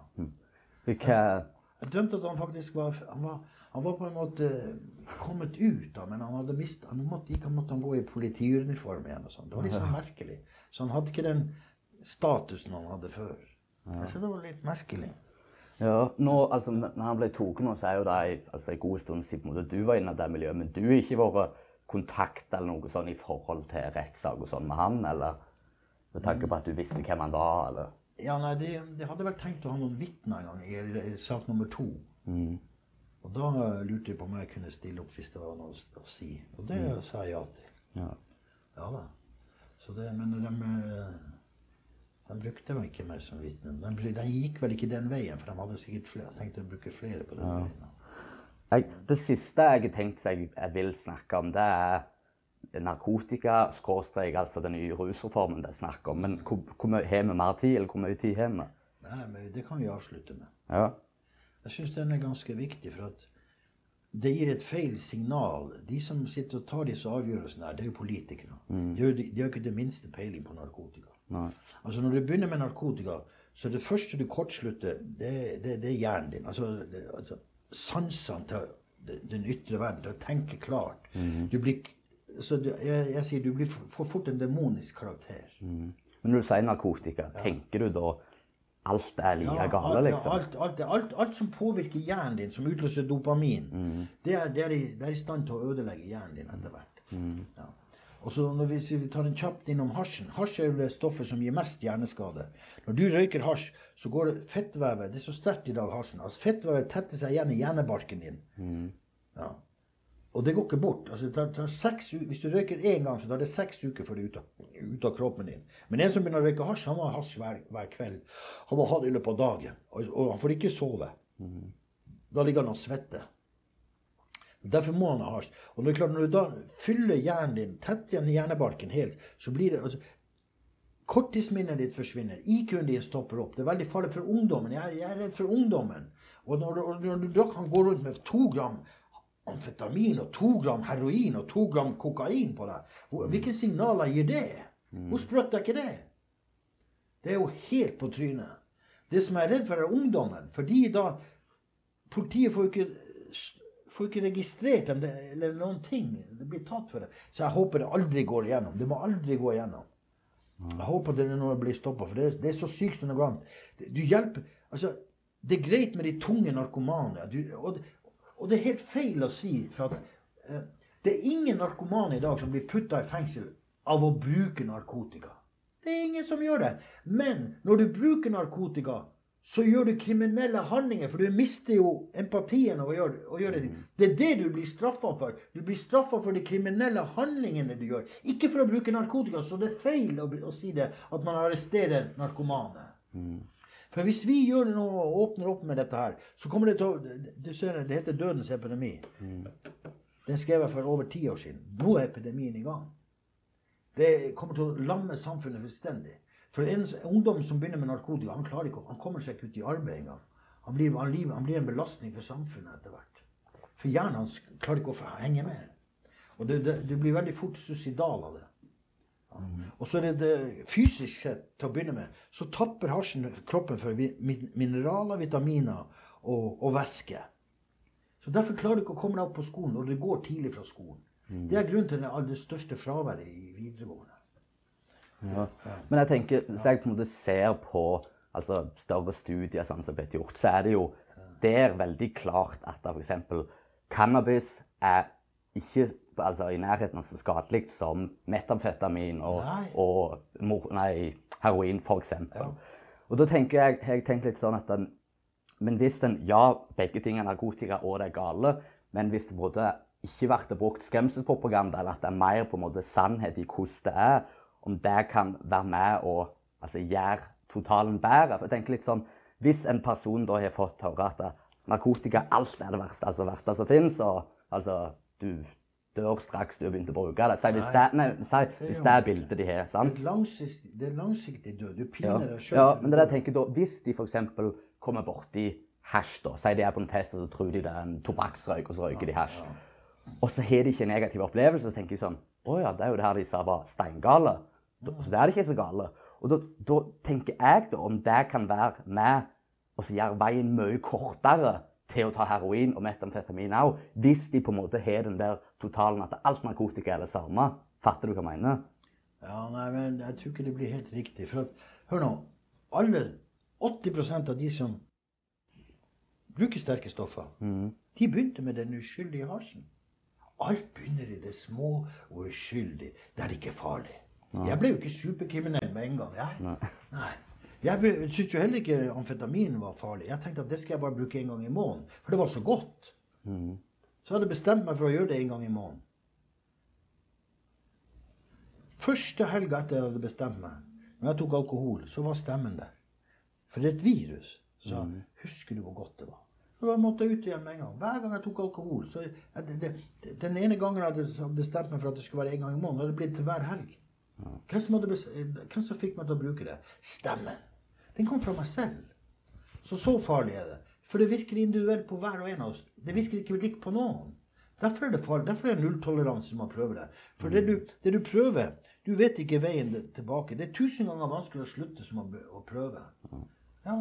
Og så er det at det du aksepterer og samtykker i, det gjør du sjøl til slutt sjøl òg. Derfor har jeg nulltoleranse med at noen skal akseptere det. For det, bare, det, det, det finnes ingen lykkelig utgang. Snakk med de som har narkomane i familien. Ja, det, jeg kjenner jo til Jeg så Hvor mange folk er det ikke som har tragedier her rundt omkring her? Ja, Jeg skulle trekke trekke inn at jeg så du hadde vært i Imi-kirka i Stavanger og snakket. Uh, og der har du jo da familien Fevang. Jeg har jo jobbet noen år med Einar, faren. Ja.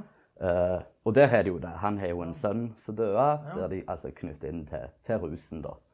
Eh, og han, ja, Einar han er jo prest, eller og vært der, og, ja, og mista en sønn da, til, til rusen. Så det er jo ikke tvil om at det ikke er altså, at det, ja, at det ikke er bra. Men jeg er liksom For sånn det er i dag, så funker det jo ikke. Altså, det er mye bruk eller mye rus i dag. Så det er litt sånn hva er utveien, da? For jeg så, når jeg holdt på å søke, så så jeg f.eks. WHO, altså Verdens helseorganisasjon, og FN oppfordrer europeiske land til å gå mot avkriminalisering.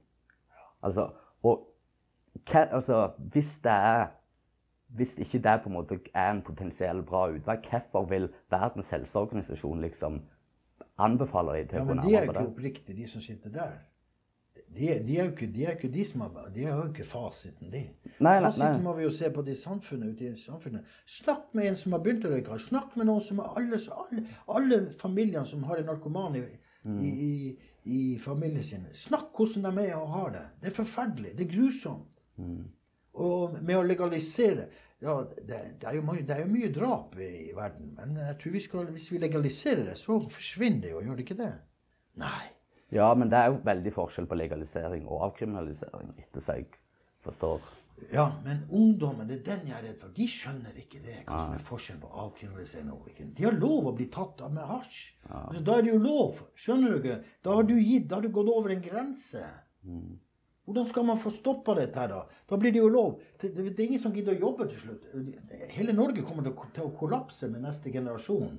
Alle, alle som er, 80% av de som er eh, sterke rusmisbrukere, begynte med hasj. 80% 80 begynte med hasj.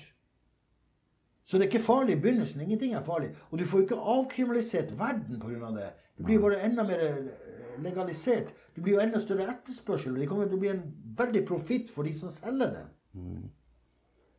Det er Men det vil jo sannsynligvis da så vil det jo verte mindre altså svartmarked og altså Gjør det det? Tror du det? Hvorfor Det- tror du det? Det er jo det de argumenterer med. Ja, det er jo helt dumt. Hvem er det Altså, er det, hvis det det, det, det, det, stemmer jo ikke. Altså, for det om polet selger sprit, så smugles det containervis med sprit inn hele veien. Ja. Alle vil ha og smuglersprit. polakkrøyk, ikke Ja. minst. De, det var en sånn studie de hadde telt Ja. altså sneiper i Oslo. 80% av alle sneiper var utenlandsk. altså Ja, skjønner du. Ja. Men ja. Så, det, så, det, så det slår seg sjøl i hjel. Det eneste vi gjør, er at vi ødelegger ungdommen. Mm. Det er den jeg er redd for. Det, jeg driter i de gamle narkomane som går rundt med dem på gata. De behøver ikke å arrestere. De behøver ikke å gjøre noe med det. Og det er ingen politi som går etter dem. Det er, de skyver disse tunge narkomane foran seg for å få igjennom den rusreformen her. For å få eh, klapp på skuldra. Men de viste til de viste til Portugal. Altså, Portugal, ja, men hør nå. Der var det et land som var, alle hadde hiv. Derfor var det at det, det, det, var, det, fungerer. Det som fungerer i Amerika Vi mennesker er helt forandret. Det som fungerer i Amerika, fungerer ikke i Norge. Det som fungerer i Portugal, fungerer ikke i Norge. Vi er helt andre typer mennesker. Hvert land har forskjellige mennesker og forskjellige åndskrefter i, i, i omløp. Det kan jeg si til deg nå. Åndskrefter. Ja. For det, det nytter ikke. Det, det, det som fungerer i Amerika, fungerer ikke her i Norge. Det, det er ikke noe fasit på det. Nei. Og her i Norge er jo vi så avstumpa med alle de tilskuddene vi har av Nav og alle sånt. F.eks. i Danmark nå, sånn, for, for, bedrifter og sånn har ikke fått støtte sånn som de har fått her i Norge. Nei. Så i Norge, vi er helt bortskjemte her med i Norge her, med, med de rare politikerne og de rare lo- lover og regler vi får. Politikere skjønner jo ikke at en narkoman blir en demon som går rundt og reproduserer seg. Og jeg har lyst til å slutte med det her. Alltid når noen begynner med narkotika, så får man av det av en som bruker det. Er du med? Skjønner du hvor farlig det er at du blir en bruker? For en bruker er det som sprer det. Nå blir vi jo satt i karantene bare vi har eh, symptomer til covid-19. Ja, Det er ikke farlig i det hele tatt i forhold til hva narkotika gjør. Narkotika dreper, har drept Vi er 600 døde nå i Norge. Narkotika har- har drept dobbelt tre ganger så mange i Norge, som ikke står om, for det skjuler vi. Så En narkoman han skulle ha vært sperra inne, så han ikke får lov å smitte seg og spre seg mer. For det er det han gjør. Han er sånn som sprer det videre. Det er det jeg sier til deg. Derfor er det så farlig at en narkoman han gir det alltid videre. Det er alltid Når noen begynner med det, så får man det av noen som bruker det. Og det, og det er en dødelig gift som vi sprer rundt i samfunnet. Du har, Ja. du gitt ut flere bøker. Jeg så du har to, to e-bøker som ligger gratis på hjemmesida di. Ja, riktig. De er, du har klart å få dem til, ja. De er der. Ja, Flott. og, det og så er det to som ligger til salgs òg på hermon.no. også. Så jeg tenker de, de som ser nå på YouTube, så kommer jeg til å legge lenker der, så Ja. folk kan gå inn og finne dem. Og, Ja, og sånn. Og både de noen, noen må jo si fra om denne gifta her. Det går ikke an å legalisere det eller ufarliggjøre det. Altså lov, det er ingen narkomane som blir arrestert for å bruke det. Man blir brukt for det, det, handlingene. All kriminalitet, all ondskap skjer når man er påvirka av rus og av tilgangen til det, for salg og kjøp av det. Det er det alle mordene foregår. Det det, alle som gjør disse gale tingene i samfunnet, de er påvirka. Eller så er det lenka til narkotika. Jeg har sett du har vært foredragsholder for norske Narkotikapolitiforeninger. Ja. Er det, Heller du ennå foredrag? Er det sånn? Nei, nå har jeg tatt, nå har jeg tatt eh, Du er den eneste som har fått lov å intervjue meg. Jeg har tatt to års pause. Ja. Tatt, nå, er jeg nå er jeg litt trøtt på alt dette her. Så jeg må jo tenke meg å gjøre noe nytt. Så jeg tatt egentlig, jeg skal minst ta et år til i ro og fred. Ja. For jeg har fått meg ei lita øy som jeg bor på, og koser meg fælt. Ja, ja. Nei, så, ja, jeg er veldig takknemlig for du, for det jeg håper at det kommer det til nytte, iallfall. Jeg ønsker at det skal komme til nytte, dette. Ja. Det, det fins ingen lykkelig utgang av narkotika. Jeg kjenner ingen. De fleste er døde. Det Er det, Hvis noen ville ha, ha tak i deg, eller sånn, er det Ja. du vil ikke de skal ha få tak i deg, eller da, hvordan kan de godt, de kan godt eh, kan, Det kan jeg få da kan til heim, henvise til hjemmesida? Der er det jo noen kontaktinfo der. Ja, jeg tror jeg har tatt den bort. den kontakten. Du har tatt bort kontakten. Men du kan godt gi dem hjemmesida mi. Ja. Og hvis, Ja. det hvis det er noen som er helt spesielt, da kan de jo ta kontakt med deg først, så tar du kontakt med meg. Mm. Hvis du vil det. Ja. Så kommer jeg til å skrive ja, både link til hjemmesida og til hvor de finner bøkene og sånn Ja. under ja, filmen på YouTube. Ellers, er det noe annet du har lyst til å si før vi runder av? Nei, jeg syns det var veldig morsomt å møte deg, Mattis. Du ser ut som en god kar. likeså. Ja, det har vært vært et fint opptak. Takk for praten. Ja, takk skal du ha. Ja. ja, så ser det jo kraftig ut, og du trener jo litt. Good. ja, ja, det var fint, det her. Ja, Good det. ja. Da, hva er klokka nå? Yes. Der fikk vi tømt dere litt. Uh, om du var så tålmodig og sitt helt så vil jeg bare si takk. Eh, og håper du fant noe av det vi hadde å si interessant, eh, underholdende, lærerikt eller alt i sammen. Så vil jeg bare minne om at du har mulighet til å høre podkasten både via YouTube, der du har mulighet til å se, og du kan også gå på Spotify og høre. Eksempel kan du høre mens du går en tur, eller sånn. Du trenger ikke plente å se på. Eh, hvis du har noen innvendinger i form av kritikk eller positiv feedback, eh, noe du syns jeg må være flinkere på, og sånn, så vil jeg at du skal gi beskjed. Eh, er det noen personer du ønsker jeg skal prøve å få med og tok en prat med? Noen tema jeg skal prøve å gå inn på? Eh, da setter jeg pris på om du kommenterer under her inne på YouTube. Kommenter under hva, hva bør jeg være flinkere på. Eller så kan du sende meg en melding. Så ser vi.